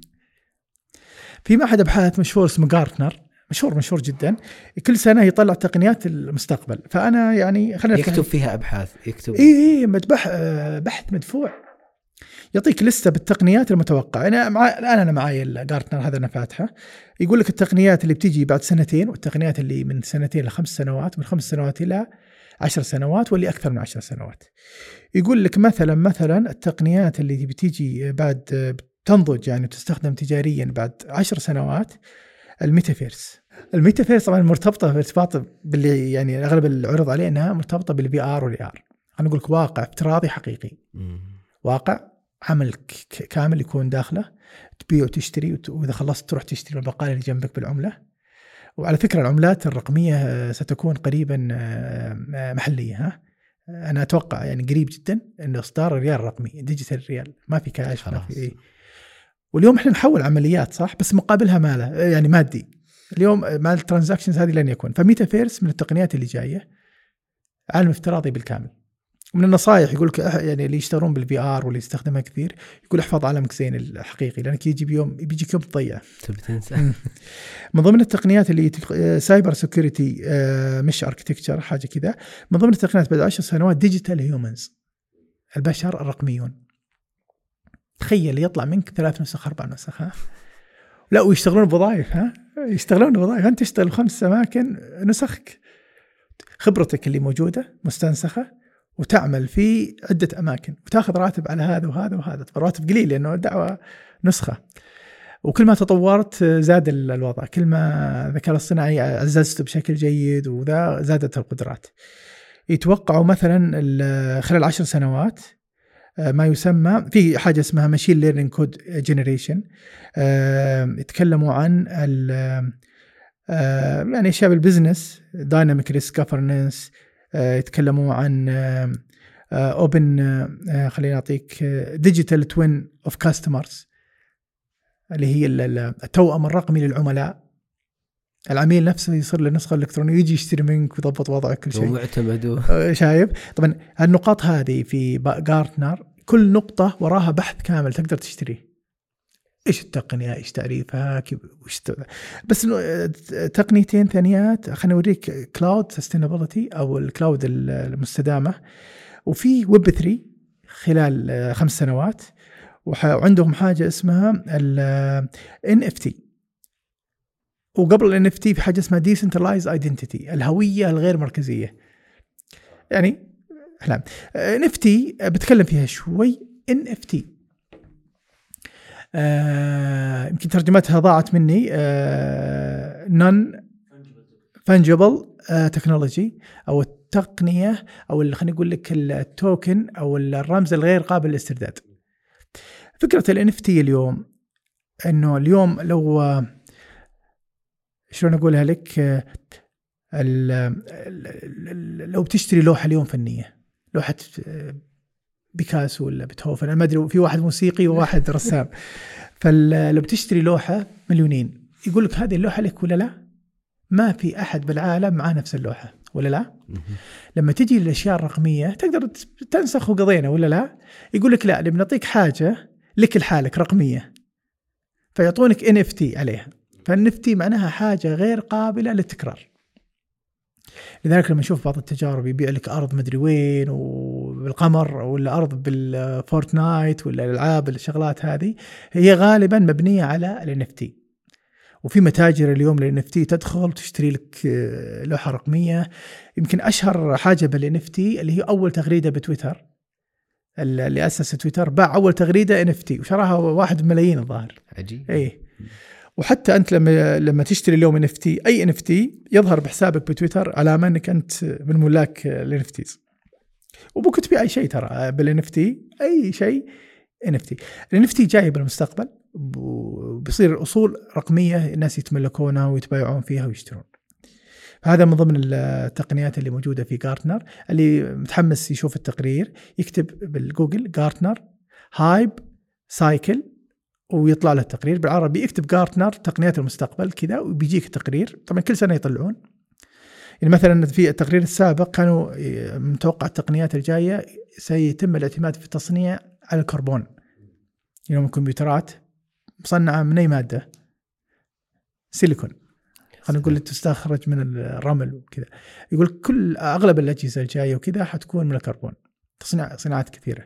فلما يجي كربون بعدين ما راح تكون مصدوم صح؟ زي اللي قاعد صاير مع ChatGPT ف وهي متوقع لذلك الناس ينصدمون لأنهم ما كانوا ما يقرون لكن أنت عارف إنها جاية وهذه هي جت باختصار. وتجار الجماعة يعني ترى كل هذه مبيوع بيع ومشترى واستفادة. فهذا أتمنى إني ما طولت بالنقطه هذه بس حبيت أوصل معلومات جميل. هو تراك أنت أثرت في داخلي سؤالي للحين وأنا أبي أسأله. وهو موجود لما قلت إن أول من ينشئ مثل هذه الأشياء مثلا الجانب العسكري أو شركات أو هل يمكن أن تؤثر هذه على أفكار الناس على توجهاتهم؟ قد يكون تصنع مثل هذه الأشياء لأجل يعني جانب مثلا فكري أو عرقي أو سياسي؟ طبيعي طبيعي. شوف التقنيات الأصل فيها إنها محايدة تماما. م. ذاك مثل البث الفضائي مثلا أول ما جاء يعني كلنا عارفين وش اللي كان موجود في بداياته. بعدين شوي شوي شوي خلاص أكيد تصنع. فالجواب نعم. الجواب نعم. طيب اننا نبي ناخذ لكن هو الصعب وين كيف أكتشف الكلام هذا؟ آه، هو هذا المشكلة. ذلك لما تجي تقنيات جديدة تلاقي ناس ينجرفون تماما يعني. شيء جديد انفتح عليه شيء ما كان متوقع. فبدأ بدأت تشوش عليه بشكل كبير. لأن أنا فعلا لما شفت بعض يعني بحثت عن بعض الأشياء فوجدت بعض الناس مثلا يسأل ال ChatGPT بعض الأسئلة مثلا في العقيدة أو في ال... فيصير الجواب في خطأ. طبيعي. وهو يظن إنه صح طبيعي. في خطأ طيب في مشكلة قد ترى ChatGPT لعابها يعني أحد التجارب طلبوا منه كتابة بحث علمي فأعطاهم بحث علمي وأحد ال citations أو المصادر هو مألفه من عنده كذا حاط الاسم. فتون تون تون عليه. OpenAI أعتقد طلعوا وبيطلعون الآن product آه، جديد. يكتشف لك هل النص هذا مكتوب من خلال AI ولا مكتوب من خلال البشر. فلا تخاف بيصدونهم. قريت تغريدة يقول إن في دكتور في الجامعة اعطى طلابه بحث يكتبونه وقال لابد إنه يكتب يدوي عشان يعرفون. فوش سوى؟ راح للشات ال ChatGPT ثم جاب الطابعة ال 3D تمام شوف التقنيات الجديدة تخلينا كسالى صح؟ بيل جيتس عنده مشهورة آه، مقولة مشهورة إيش يقول؟ يقول أنا أحب أوظف الموظفين الأذكياء الكسالى، ليش؟ لأنه إذا جت مشكلة بيحلها بذكاء بأقل جهد. فهنا نفس الفكرة يعني البشريه بتستفيد كثير آه، أمور كثيرة تبي تتسهل، معلومات كثيرة تبي تتوفر، آه، قراراتنا تبي تكون أكثر نضج لأنها مبنية على معلومات يعني يعني متاحة عكس اللي كان سابقا. يعني اليوم أنا وياك أنا عرفت حاجة أنت ما عرفتها أنا أكسب صح؟ مع ChatGPT والذكاء الصناعي بدينا نشوف إن الفوارق بدأت تقل ولا لا؟ يعني أنا أستخدم وياك نستخدم التول يعني بدأت. فيعني في أشياء كثيرة آه، يمكن آه، سنستفيد منها. وأتوقع بعد سنتين لو وعدنا اللقاء هذا بنضحك على على الكلام على الكلام اللي قلناه إيه. طيب أبو عمر وش المخاطر اللي يجب إن نخاف منها؟ أنا خليني أقول لك يعني على رأسها مثلا جانب التواصل الإنساني البشري يعني أظن إنه بيقل كثيرا مع وجود هذا الواقع الافتراضي قد يعني يطلع لك شخص ويقعد قدامك بدون ما تشوفه بشكل مباشر فقد يؤدي إلى العزلة إلى البعد عن الناس وغيره من المخاطر سيؤدي يعني. سيؤدي لكن الإنترنت أول ما جت في نفس الموضوع ترى. كان الناس مدمنين يجي الساعات وبعدين خلاص يعني صار الموضوع عادي. واليوم ما في أحد مدمن ولا لا؟ يعني اليوم الجوال صارت الإنترنت موجودة. يعني قديما لازم كمبيوتر وشاشة وقصص. اليوم صارت موجودة يبحث فانتفى الموضوع هذا. الإدمان اليوم على شبكات التواصل الاجتماعي ولا لا؟ صحيح. إدمان مو طبيعي. ومدنقين و وحكايه الناس اللي يحطوا محتويات ووقت ووقت ووقت ففي إدمان. فترة بي ترى بينتهي الإدمان هذا. يعني أو بيقل بشكل كبير. تطلع تقنيات جديدة يا تزيل التشتت يا ينقلون أو ينتقلون لمستوى ثاني من الإدمان ما أدري. لكن العاقل آه، حكيم إن صح التعبير. يستطيع انه يستخدم التقنية بشكل صحيح ويستطيع يوقف. وملاحظة مهمة ترى التقنيات اليوم الصغار آه، جيلنا والجيل اللي طالع مع التقنية هو أكثر شخص ممكن يكون يستفيد ويتضرر. يعني ككبير سن ولا شخص شاف وذا يعني تقدر تتحكم تقدر لكن الصغار مندمجين اندماج تام وعايشينها فممكن يستفيدوا هم أكثر ناس يستفيدون لأنها تقنيتهم وممكن أكثر ناس يتضررون لما يغص فيها زيادة عن اللازم. فيعني حديث جميل عن المستقبل لكن المستقبل يعني ما تستطيع تتنبأ فيه بالشكل اللي إحنا نتصوره. زي ما قلت هل له مخاطر متوقعة؟ يعني خلينا نقول يعني عشان زي ما إحنا في تقنيات قاعدين نتنبأ بها عشان نستغلها أيضا قد يكون في مخاطر قدام طبيعي طبيعي, طبيعي طبيعي لذلك المؤمن ما يخاف يعني مسلم مؤمن متوكل على الله ما تخاف يعني مم. البشرية نجت من كوارث ونجت من امور واجد. والله عز وجل ينجي ال... ال... ال...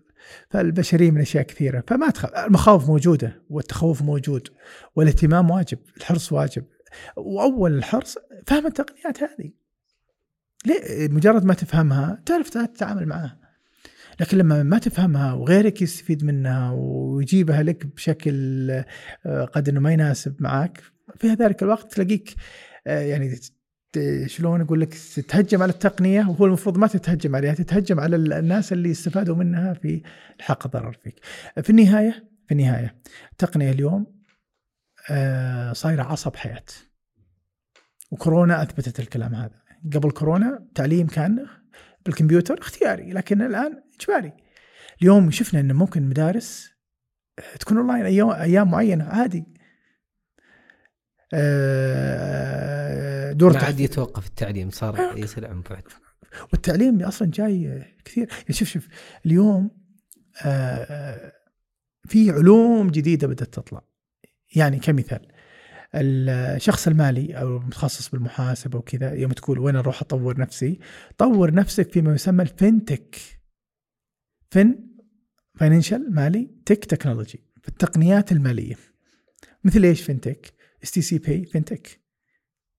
راجحي. على جلاله قدره والبنك المحترم هذا اللي خدماته الإلكترونية يعني مميزة جدا. مطلع urpay FinTech وشركات ال FinTech بالسعودية يعني السعودية من أجمل الدول بالمواضيع الاستثمار التقنية كثير شركات ال FinTech بالسعودية. طيب في EdTech education technology نفس فكرة ال FinTechs بتطالع بال education. في مثلا RegTech.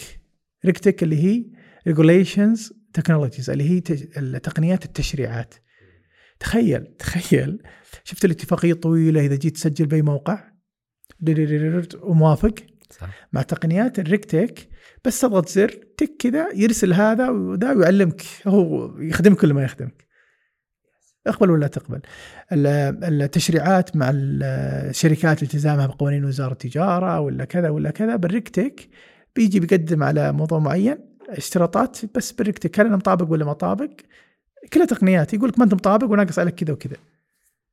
وحتى الجهات لما تجي تفحص ما تروح تفحص زي أول عطني شهادة الزكاة والدخل عطني شهادة التأمينات. خلاص مباشرة بس قدم على ريكتك وخلصنا. فكلمة Tech مع بعض العلوم صارت تخلق. مثلا MedTech MedTech. اختصار إيش؟ medical technology فهي التقنيات الطبية. هذه مذهلة. مذهلة بشكل رهيب يعني التقنيات الطبيه. فعلوم كثيرة قاعدة تطلع، تخصصات كثيرة قاعدة تطلع. إذا بتلاحق الجامعات، الجامعات ممتازة بس ما تطلع أشياء هذه إلا بعد فترة. إذا تشوف ال cyber security والأمن السيبراني متى طالع؟ ما سمعنا بالتخصصات الأمن السيبراني بالجامعات إلا من تالي يعني. لذلك اليوم استثمار شخصي أكثر يعني تعليم ذاتي مهم جدا أكثر من اعتمادك على تعليم يعني خارجي. خلي سنة التعليم الخارجي ما في مشكلة. لكن تعليمك الذاتي هو المهم. لما نجي اليوم مثلا لل nano degrees nano degree يعني إذا كنا نقول PhD دكتوراه وبعدين ماستر وبعدين بكالوريوس وبعدين دبلوم وبعدين في شيء اسمه nano degree صينونه كذا حلوة اللي هي online Udacity Udemy عندي رواق ما شاء الله عندي لا إله إلا الله كثير المنصات اليوم تعطيك شهادة وتعطيك كذا وتثبت لك إنك آه، أخذت العلم هذا. فهذا من تطوير الذات، لذلك يمكن سمعنا قبل فترة عن جوجل والشركات الأمريكية إنها خلاص ما تعترف بالدكتوراه وكذا، مهنية ولا شهادات طبعا توظيفهم. إذا هم إذا يبون فنيين صح. بس ستيل يعني الباحثين الماجستير والدكتوراه مهمين جدا. العلوم كيف تتطور؟ فلا فيه. فالتطوير الذاتي مهم. نصيحة اللغة الانجليزيه مهمة جدا جدا جدا. هذا أول واحد أنا آه إيه لذلك لازم انجليزي ليش؟ لأنها هي وسيله التواصل عالميا صار التعبير حاليا. يعني أنا أتوقع أتوقع العولمة وما العولمة تخف كثير الفترة القادمة. يعني توغل العولمة وفرض أشياء على الناس والشعوب. أتوقع إنه بيقل الفترة الماضية القادمة. بسبب ال technology ها. لما نتكلم عن ال- الإنترنت القادمة تكون ويب 3 decentralized ما حد يتحكم فيها. ما حد ما حد ما حد ما حد فتبدأ تخف. يعني اقرأ في المواضيع هذه جدا ممتازة. فأنا اللي أنا بوصل حاجة مهمة اللغة الإنجليزية مهمة. ومن ضمن التوقعات مثلا في العمل إنه إنه الموظفين اللي بالشركة والجهة جزء منهم في أمريكا وبريطانيا. إيه خلاص يداوم أونلاين معك المعلمين وش يمنع؟ إنه في مدارسنا المعلم اللغة الإنجليزية يكون بريطانيا ولا أمريكا. ويدرس طلابنا عادي ما له مشكلة يعني. حتى لو التوأم الرقمي حقه حقه هو اللي يدرس. مدرس القرآن الكريم واللغة العربية يستطيع يدرس في أمريكا. دارس بابليك وذا. في اليوم اللي أنا بقول نطاق الوظيفة أنفتح. قديما كانت الوظيفة بالقرية ولا ولا بالمدينة. شوي شوي شوي بدأت تتوسع الدنيا صاروا الواحد يروح يداوم بالمدن الكبيرة. الرياض جدة الدمام. شوي شوي شوي بدأت تتوسع أكثر ممكن يسافر الإمارات يسافر البحرين يس- يعني شوي شوي شوي بدأ يروح يهاجر أمريكا يتوظف ولا كل شيء الآن العالم كله تستطيع إنك تقدم له آه، خدماتك. إذا كان يعني عندك أشياء ممكن تقدمها للعالم. تقدر تصير مترجم تقدر تصير آه، مروض اي اي مروض ذكاء اصطناعي. ففي وظائف كثيرة تستغرب من أسمائها مستقبلا لكن بيكون لها آه، شيء جميل. طيب أبو عمر الآن يعني إحنا تكلمنا وضمن الحديث عن الذكاء الاصطناعي وهذا في شيء اسمه الآن موجود عند الناس اسمه التحول الرقمي. إيش التحول الرقمي؟ إيش نعني بالتحول الرقمي وكيف نتحول رقميا؟ ممتاز. فعلا مصطلح آه، يعني يمكن آه، بدأ ينتشر الفترة الأخيرة وهو مرتبط بال- بالتقنيات الجديدة يعني emerging technologies إحنا نسميها. خليني أرجع لك شوي ورا. أول ما بدأ الكمبيوتر أو الحاسب الحاسب الالي دخل كانت مثلا الجهات اللي عندها إدارة حاسب إيش يسمونها إدارة الحاسب الآلي. دخلت الإنترنت بدات المعلومات تجينا information والدنيا. فتغير من مسمى الإدارات من مسمى إدارة الحاسب الآلي إلى إيش؟ إدارة تقنية المعلومات. لأن إحنا مع المعلومات ومع وبعدين جانا التحول الرقمي والتقنيات الجديدة صارت إدارة التحول الرقمي. وفي مسمى رابع حنشوف ال- الوضع فيه هذا إذا طبعا استمرت الوظائف والإدارات بالشكل اللي إحنا نعرفه التحول الرقمي باختصار التقنيات اليوم صارت تساعد على شوف كل النماذج التجارية والشركات ليش قائمة؟ حتى يربحوا وكيف يربح؟ يرضي عميله في النهاية صح؟ صحيح طيب. مع التقنيات الجديدة تستطيع تخدم عميلك بأقصر وقت وبأقل تكلفة وبسرعة وترضي وترضيه فأنا لازم أتحول نموذج العمل اللي كنت أديه سابقا أبى أحوله وبستخدم التقنية بالتحول هذا. هذه فكرة التحول الرقمي باختصار. سلام. يعني أعطيك أمثلة عليها. مثلا مثلا مثلا آه، اليوم في drones آه، تشيل لك ماء وتسقي لك المزروعات تدري؟ مم. تمام؟ فعندك مزرعة تدخل الإنترنت ما عاد في وتحجز رشاش. الرشاشات المحورية وذا. طبعا بداياتها ها؟ آه، تدخل الانترنت وتحجز رش أو اسقي المزرعه حقتي من الساعة كذا للساعة كذا وذا. بالليل تجي درون ترش وترجع.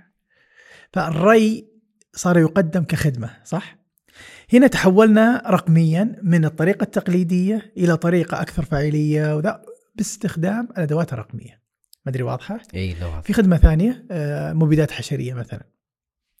as service تقدم كخدمة. آم، التوصيل المطاعم اليوم هنجر ستيشن والشغلات هذه تقنية صارت تلعب دور كبير ولا لا؟ آه، الأعمال التقليدية اللي متعودين عليها لابد تقتل وتصير متحولة رقميا. يعني مثلا مثلا في السعودية نماذج كثير مشرقة. مثلا وزارة العدل السعودية. يعني صراحة تغير آه، كبير صار في الوزارة. يعني الآن مثلا أذكر لما يجي أحد يتزوج الملك مع الدفتر الكبير وذا كل يعني من الاشياء اللي صارت في الوزارة يعني كثير كل تقريبا اللي يجون الان معاه iPad خلص كل شيء. الحين في السيارة يملك. ولا بالسياره ها؟ ويجيك SMS وتخلص وكل شيء. يعني صارت إيش؟ العملية موثوقة سريعة آه، أكثر دقة وأنت مرتاح. فهذه فكرة التحول الرقمي نحول ال business القديم أو الأشياء اللي كانت قديما إلى نموذج رقمي. بس لذلك يقول كل الأعمال اللي الشركات اللي لها 30 40 300 400 سنة طبعا هي نجت تلاقيها من أزمات صح؟ اليوم لازم تتحول ولا ممكن business يعني startup شركة startup صغيرة شركة ناشئة صغيرة تأثر على شركة كبيرة. مثلا مثلا من ضمن Uber Uber ضربت تقريبا صناعة التكاسي بالعالم أول ما ظهرت. آه طبعا بدأت الآن يعني الاستخدامات تختلف وكل شيء وبدا المنافسين أكثر فممكن تكون يعني صارت عادية بالنسبة لنا. مثلا مثلا بس يعني هذا شوي يعني حطها من تقنيات المستقبل. اي إيه في بقول شيء من تقنيات المستقبل فلا تشرح ها. لا لا لا عادي إيه أنا بالخيال من بداية الحلقة. تمام. آه يقولوا إن الصين عندها آه أقمار صناعية تضيء تقدم الإضاءة. light as service الإضاءة كخدمه عندك زواج جبل ورا جبل مدري وين. خلاص تستأجر الإضاءة الساعة كذا الساعة كذا على المكان الفلاني. بالوقت هذا يتولى الأقمار الصناعية هذه. وخلص وضعك وإذا خلص تطفي الأنوار. بالفكرة بالمستقبل إن كل شيء بيكون ممكن بالتقنية. طبعا ليس كل شيء. يعني شوف البشريه اليوم هي البشرية زي ما قلنا. أكل ما راح تصير رقمي يعني في النهاية وفي النهاية. يعني أكل شرب تنفس يعني أشياء كثيرة. عشان كذا كأني أربطها إنها متعلقة بالرفاهية. أكثر إلى حد ما. لا في أشياء أساسية. يعني لما نجي مثلا شخص مقطوع يده ولا كذا التقنية وفرت له شيء مو رفاهية. آه طباعة ثلاثية أبعاد بتشوف رباعية الأبعاد بتشوف فيها أشياء كثيرة بالمستقبل. آه لكن ردا على سؤالك آه يعني يمكن التحول الرقمي هي عملية انتقال من شكل إلى شكل جديد بس باستخدام التقنيات. يا سلام. ندفع المدفوعات تغيرات. جوال ندفع ها؟ وما شاء الله بنك الراجحي يعني البنك على فكرة يعني البنوك عندنا آه، أغلبها أو كلها تقريبا مميزة. لكن في التقنية وفي الخدمات الإلكترونية السريعه راجحي مميز جدا تطبيق مباشر راجحي خطواته متسارعة. جدا جدا جدا. يعني من أفضل البنوك صراحة يعني يعني يقدمون. الآن من مصرف الراجحي أعتقد البنوك حتتبعه آه، تسحب بدون بطاقة تخيل. يعني بدوا يجربونها على بعض الصرافات يطلع لك QR code حط بس ال QR طبعا افتح التطبيق مباشر وقول بسحب 50 100 وامسح ال QR code طلع لك الصرافة الفلوس لا بطاقة ولا شيء. فتحول الرقمي الآن هي مرحلة انتقالية. بعد ما أغلب الأعمال القديمة تتحول رقميا بندخل عاد بالعصر الرقمي وتبدأ الأدوات الرقمية تشتغل. آه، الشركات اليوم تستطيع تأسس شركة بدون ولا موظف للعلم. من ضمن الشركات المشهورة آه، يمكن startups بشكل كبير الشركات الناشئة التقنية اللي يعني قدرت إنها تصل إلى تقنية معينة. مثلا باي آه، بال مثلا. تقنيه دفع مالي. ظهرت بوقت ما كان أحد متوقع أن هذا النموذج ممكن ينجح. آه، منصات الدفع اليوم. المدفوعات الرقمية يعني حتى الجمعيات الخيرية اليوم. شغلهم كله إلكتروني. متاجر ومنصات دفع وعندنا الحمد لله بالسعودية منصة كبيرة منصة إحسان للتبرعات بشفافية وبوضوح وكذا. ف شوف كل الكلام هذا بلخصه بعبارة واحدة، التقنيه تخرج تبهر ثم تبدأ تتغلغل في حياتنا وحنا ما ندري إلى أن تكون جزء منا فلا نشعر فيها. لا نشعر بالتقنية هذه حاجة عادية صارت. يا سلام يا سلام. فهذا اللي قاعد يصير. لين تجي تقنية جديدة وتأخذ نفس الوضع. تقنية جديدة نفس الوضع. والمحصلة النهائية ما هي؟ إن البشر يوم ورا يوم يرتقون بشكل عام طبعا. ولا في في يعني سوريا إخواني في سوريا الله يعني يكشف مع أخواننا. يعني كثير من الدول اليوم تعاني صراحة. لكن يعني على مستوى العموم البشرية قاعدة تطلع أشياء كثيرة. آه، هذا التحول الرقمي وهذا ما يتعلق فيه غالبا اليوم مستخدم بالشركات ومستخدم مثلا في الجهات الحكومية كثير. يعني الحكومة السعودية والجهات السعودية نشطة جدا بالموضوع هذا. وفي قفزات كبيرة بالتحول الرقمي واستخدام التقنيات هذه. يعني مثلا آه، خدمات مثل عندنا مثل أبشر. توكلنا. مميزة جدا على مستوى العالم. يعني كنت بأستراليا ما ما هو يعني خدمات كثيرة آه، موجودة ما هي موجودة هناك. بضغطة زر لا. ضغطة سر يعني يعني آه، مثلا وزارة العدل أنا معجب بتجربتهم صراحة. آه، حكاية يعني حصر ورثات ومفوضين شغلات كأول لازم تروح وتجيب الجماعة كلهم يعني الناس اللي موجودين يحصروا. قصة قصة كبيرة. شلون؟ وكيف تصل مستوى الثقة هذا؟ يعني الناس دائما الثقة هي اللي تأثر. صح لو تقنية ما ما مشت بشكل صح الناس ما ما مشت بشكل صحيح الناس ما يثقون فيها. بس تصل إلى مستوى الثقة هذا هذا حاجة عجيبة. يا سلام. جميل. طيب هل يمكن إني أستخدم هذه الأفكار التقنية وهذه التقنية وأحولها إلى يعني شيء مالي أو مشروع مالي أستفيد منه ويدر عليه مال أكيد. أكيد. كيف؟ هنا التساؤل لأن اللي مثلا قاعد يستخدم هذا الذكاء الاصطناعي ولا يبغى يستخدمه يبغى يستفيد منه يقول طيب أبغى أطلع منه يعني مشروع مالي ممتاز. أستفيد منه. آه بأيامنا هذه راح اليوتيوب. تمام؟ واكتب بس ChatGPT money أو أو اكتب أي شيء. مقاطع كثيرة صايرة بالشكل هذا.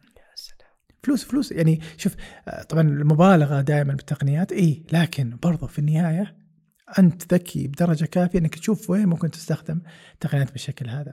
طلع شركة على الموضوع هذا تقدم خدمة بالشكل هذا بس تبغى جرأة. قضية تبغى جرأة وتقدم للناس خدماتك بشكل آه، ان صح التعبير تجاري. يعني أنا أذكر آه، آيفون إسلام هو أول ما ظهر يعني آه، شركة اسمها آيفون إسلام. أول ما ظهر الآيفون وكذا بدأوا يط- يطلعوا تطبيقات إسلامية على الايفون طلعوا مصحف طلعوا برنامج مواقيت الصلاة طلعوا طلعوا, طلعوا business كامل وشركة ج- جاها أرباح كثيرة طبعا. وطبعا بعدين عاد ما كملت و... وقرروا إغلاق الشركة يعني. لكن كل تقنية وكل شيء جديد اعرف وين تتموضع. أنا ماني بتاجر ولا حكاية ال ال ال وين ممكن الواحد يتموضع لكنها من ضمن الأشياء الجديدة اللي آه، لو سبقت غيرك فيها بالتأكيد حط لها منها يا سلام. والتجار هم أكثر ناس أذكياء يعرفون يستفيدون من العلوم هذه اللي ما هو تاجر آه، مهما كان يستمتع ويلعب وينبسط. لكن في النهاية هو اللي يدفع ها؟ ولاحظ انه هو اللي. يدفع بعد. جميل. طيب هل يلزم إني أتعلم البرمجة عشان أكون تقني مميز؟ لا بوقتنا الحاضر لا. بس لازم تكون ذكي يعني لمي وتفهم الأمور كيف تتم. يعني ما يكفي إنك تستخدم ChatGPT يكون عندك شوي شغف كيف يشتغل. تفهم. وشوي شغف كيف أقدر أخصصه. تقريبا بالشكل هذا. مم. آه، البرمجة ميزتها ترتب تفكيرك. تصير منطقي 100% if then يعني البرمجة وش في يعني غير تبني تفكيرك تخليك تفكر بطريقة الآلة صح التعبير والذكاء الاصطناعي اليوم قاعد يكسر ال- ال- ال- الرتابة هذه بشكل كبير. اليوم لا تستطيع أنك تستفيد من ChatGPT بدون ما تتعلم برمجة. آه لغات البرمجة قديما كانت لغات برمجة. بي إتش بي سي شارب فيجوال بيسك إيش فيه في الوقت؟ Delphi مثلا Go Kotlin يعني من لغات البرمجة اللي الواحد ممكن يبرمج عليها. بعدها تطورت شوي. صار حاجة اسمها frameworks كل لغة عليها إطارات عمل تسهل شغلك تكتب بس سطرين ويفك لك آه، 5000 سطر. أو كلمتين بعد بعض الأحيان. framework مثلا بال PHP طلع حاجة اسمها كود اجنايتور كيك بي اتش بي سيمفوني لارافيل هذه كلها frameworks على ال PHP فصاروا الناس يستخدمون سهلت حياتهم. Python برضه في Django مثلا في Flask في فرابي على ال- وكل لغه برمجه فيها frameworks شوي شوي دخلنا شيء جديد اسمه low code platform المنصات قليلة الكود وعديمة الكود. no low code platform و no code platform. فصار ما يحتاج drag and drop وخلص أمورك ويطلع لك تطبيق وينشر. هذا موجود ترى.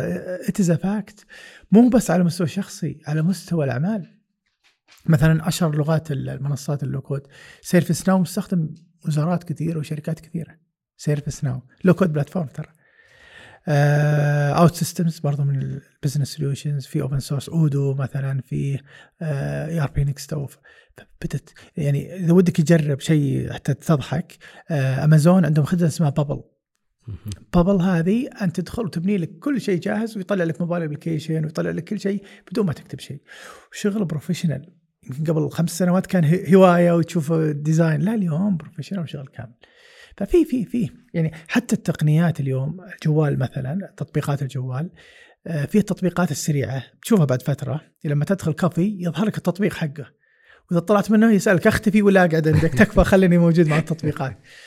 ف آه لا. الإجابة السريعة ليس شرط إنك تكون مبرمج لكن تكون لميح. و you know how ال technology works كيف تعمل التقنية؟ حتى خلاص عيش الجو؟ فأتمنى إني جاوبت إيه جميل. والله. من الأحلام اللي موجوده وهي مع الذكاء الاصطناعي فكرة الذهاب للقمر الغزو الفضائي. أوه. هذه أشياء كذا حرب النجوم ها؟ حرب النجوم. والله شوف شوف كل الأبحاث الأخيرة تشير أو توقعات إنه إحنا رايحين للقمر. لأن قريب جارنا يعني. والمريخ يعني والرغبة هذه الآن حقيقية للدول. يعني مو شرط إن نروح حتى نعيش يعني الأفلام وكذا لا لكن اليوم ممكن يستفاد معادن تراب يعني فيه يعني معادن ثمينة ترى ممكن يستفاد منها. آه حكاية برضو اقتراب للكون لازم نمشي الخطوة هذه. فلا اليوم القمر آه أنا أتصور تصور شخصي إنه عشر سنوات آه ممكن نكشت بالقمر ها؟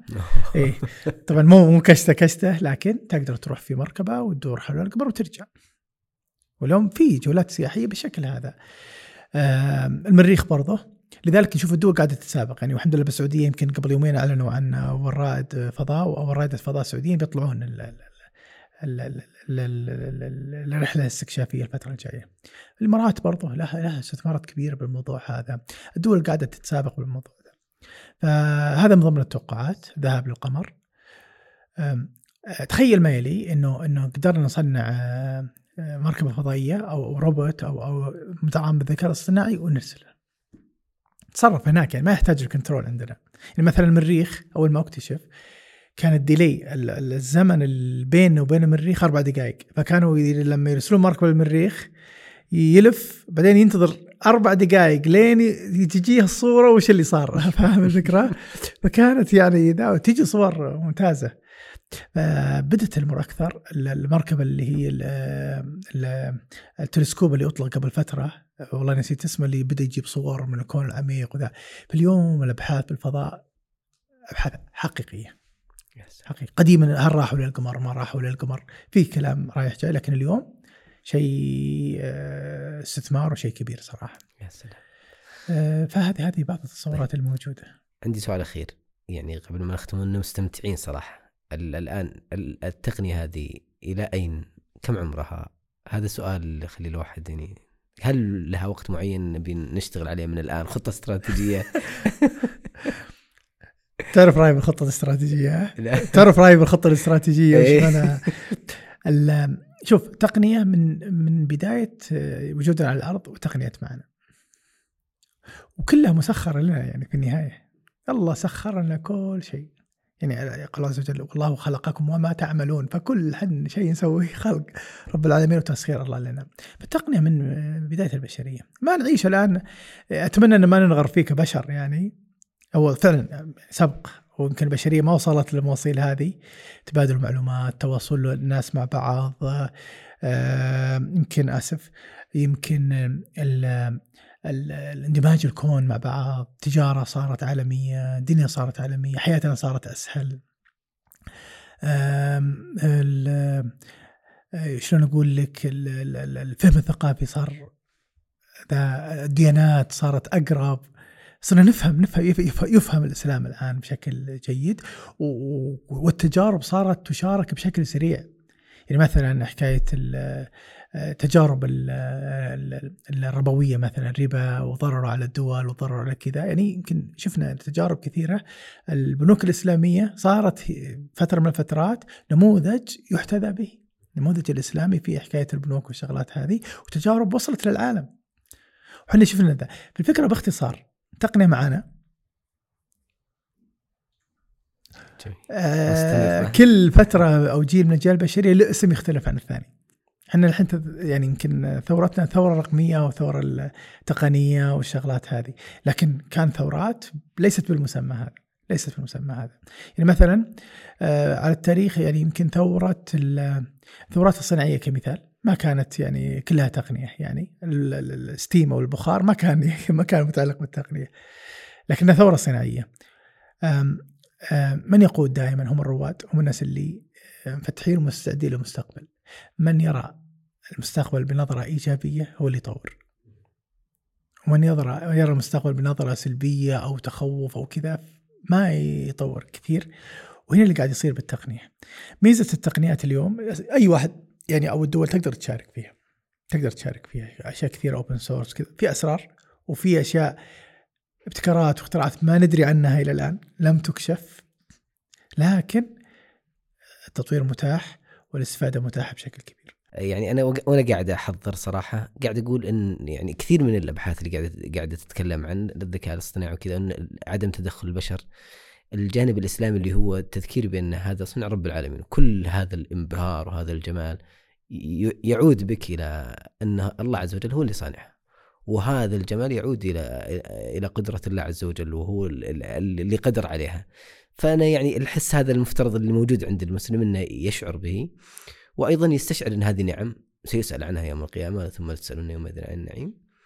أيضا إذا في وصايا. أتفق تماما تماما تماما. يقرا الرجل وما اوتيتم من العلم إلا قليلا. يعني ترى يعني يعني علماء الذكاء الاصطناعي لما يشوفون انبهار الناس بالتقنيات يقولون الناس دول صاحيين ولا ما هم صاحيين ليش؟ انه عارف آه، كيف التقنية تشتغل؟ كيف كيف كيف كيف كيف؟ وعارف بالضبط إن الدعوة آه، صفر واحد واحد صفر إلى الآن. إحنا ترى لغة المشين آه، لغة الآلة إلى الآن موجودة.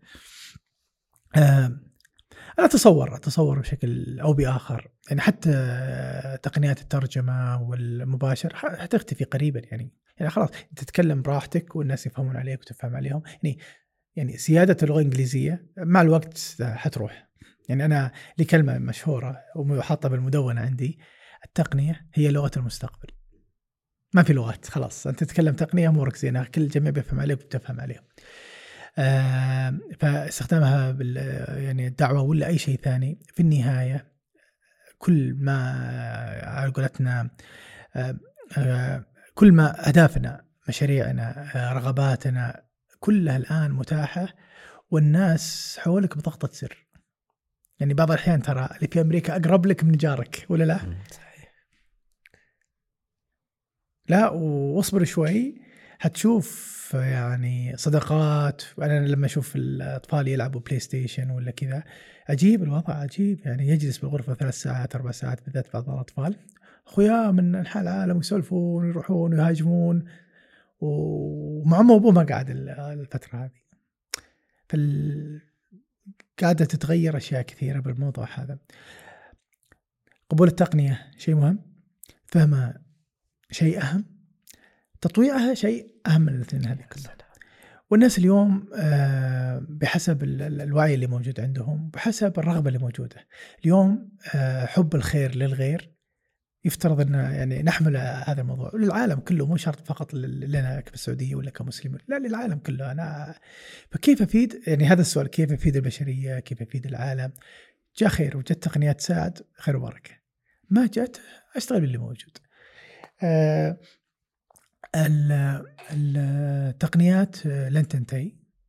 لن تنتهي والله أعلم يعني إلا إذا جاءت اللي انت تتصورها يعني حرب ولا كارثة ولا بشرية تفنى. آه، التقنية آه، مبنية على بعضها. هذه ترى قاعدة. إيش تلاحظ؟ البخار طلع بعد إيش؟ الكهرباء صح؟ بعدها ثورة الكمبيوتر ترى بدون كهرباء ما في ثورة كمبيوتر. فإحنا ذكاء اصطناعي بدون حاسب آلي ما كان في كمبيوتر. التقنية غالبا مبنية على بعضها بشكل كبير. الوعي الوعي الوعي. أو كذلك أهم شيء أن الواحد ينظر نظرة إيجابية للمواضيع هذه. الله يجزاك خير بعمر الله يوفقك. مستمتعين والله جدا. شكرا جزيلا. طرنا فعلا. أخذنا المعنى ناهض هذا من الطائر الذي تسلم لا أنت. جزاك الله خير. آه، أنا سعيد جدا والله بالاستضافة الجميلة الله هذه. يعافيك. وأتمنى أن كنا ضيوف خفيفين على المستمعين والمستمعات. علينا خفيف وبإذن يوفقك. الله. إن شاء الله إنه خفيف عليهم. وبالعكس والله أتمنى أن نشوف إن شاء الله يعني صناعات كثير مبنية على التقنيات الجديدة عندنا بالسعودية. ومتفائل بالشباب السعودي والشابات السعوديات صراحة يعني آه، قاعد أشوف جيل مميز جدا. آه، وننتظر منه أشياء كثيرة بإذن الله تعالى الله يجزاك خير الله. يعافيك الله يرضى. عليك الله. يعافيك أيضا الشكر موصول للمستمعين والمستمعات مشاهدين والمشاهدات نلقاكم في كاف جديد السلام عليكم ورحمة الله وبركاته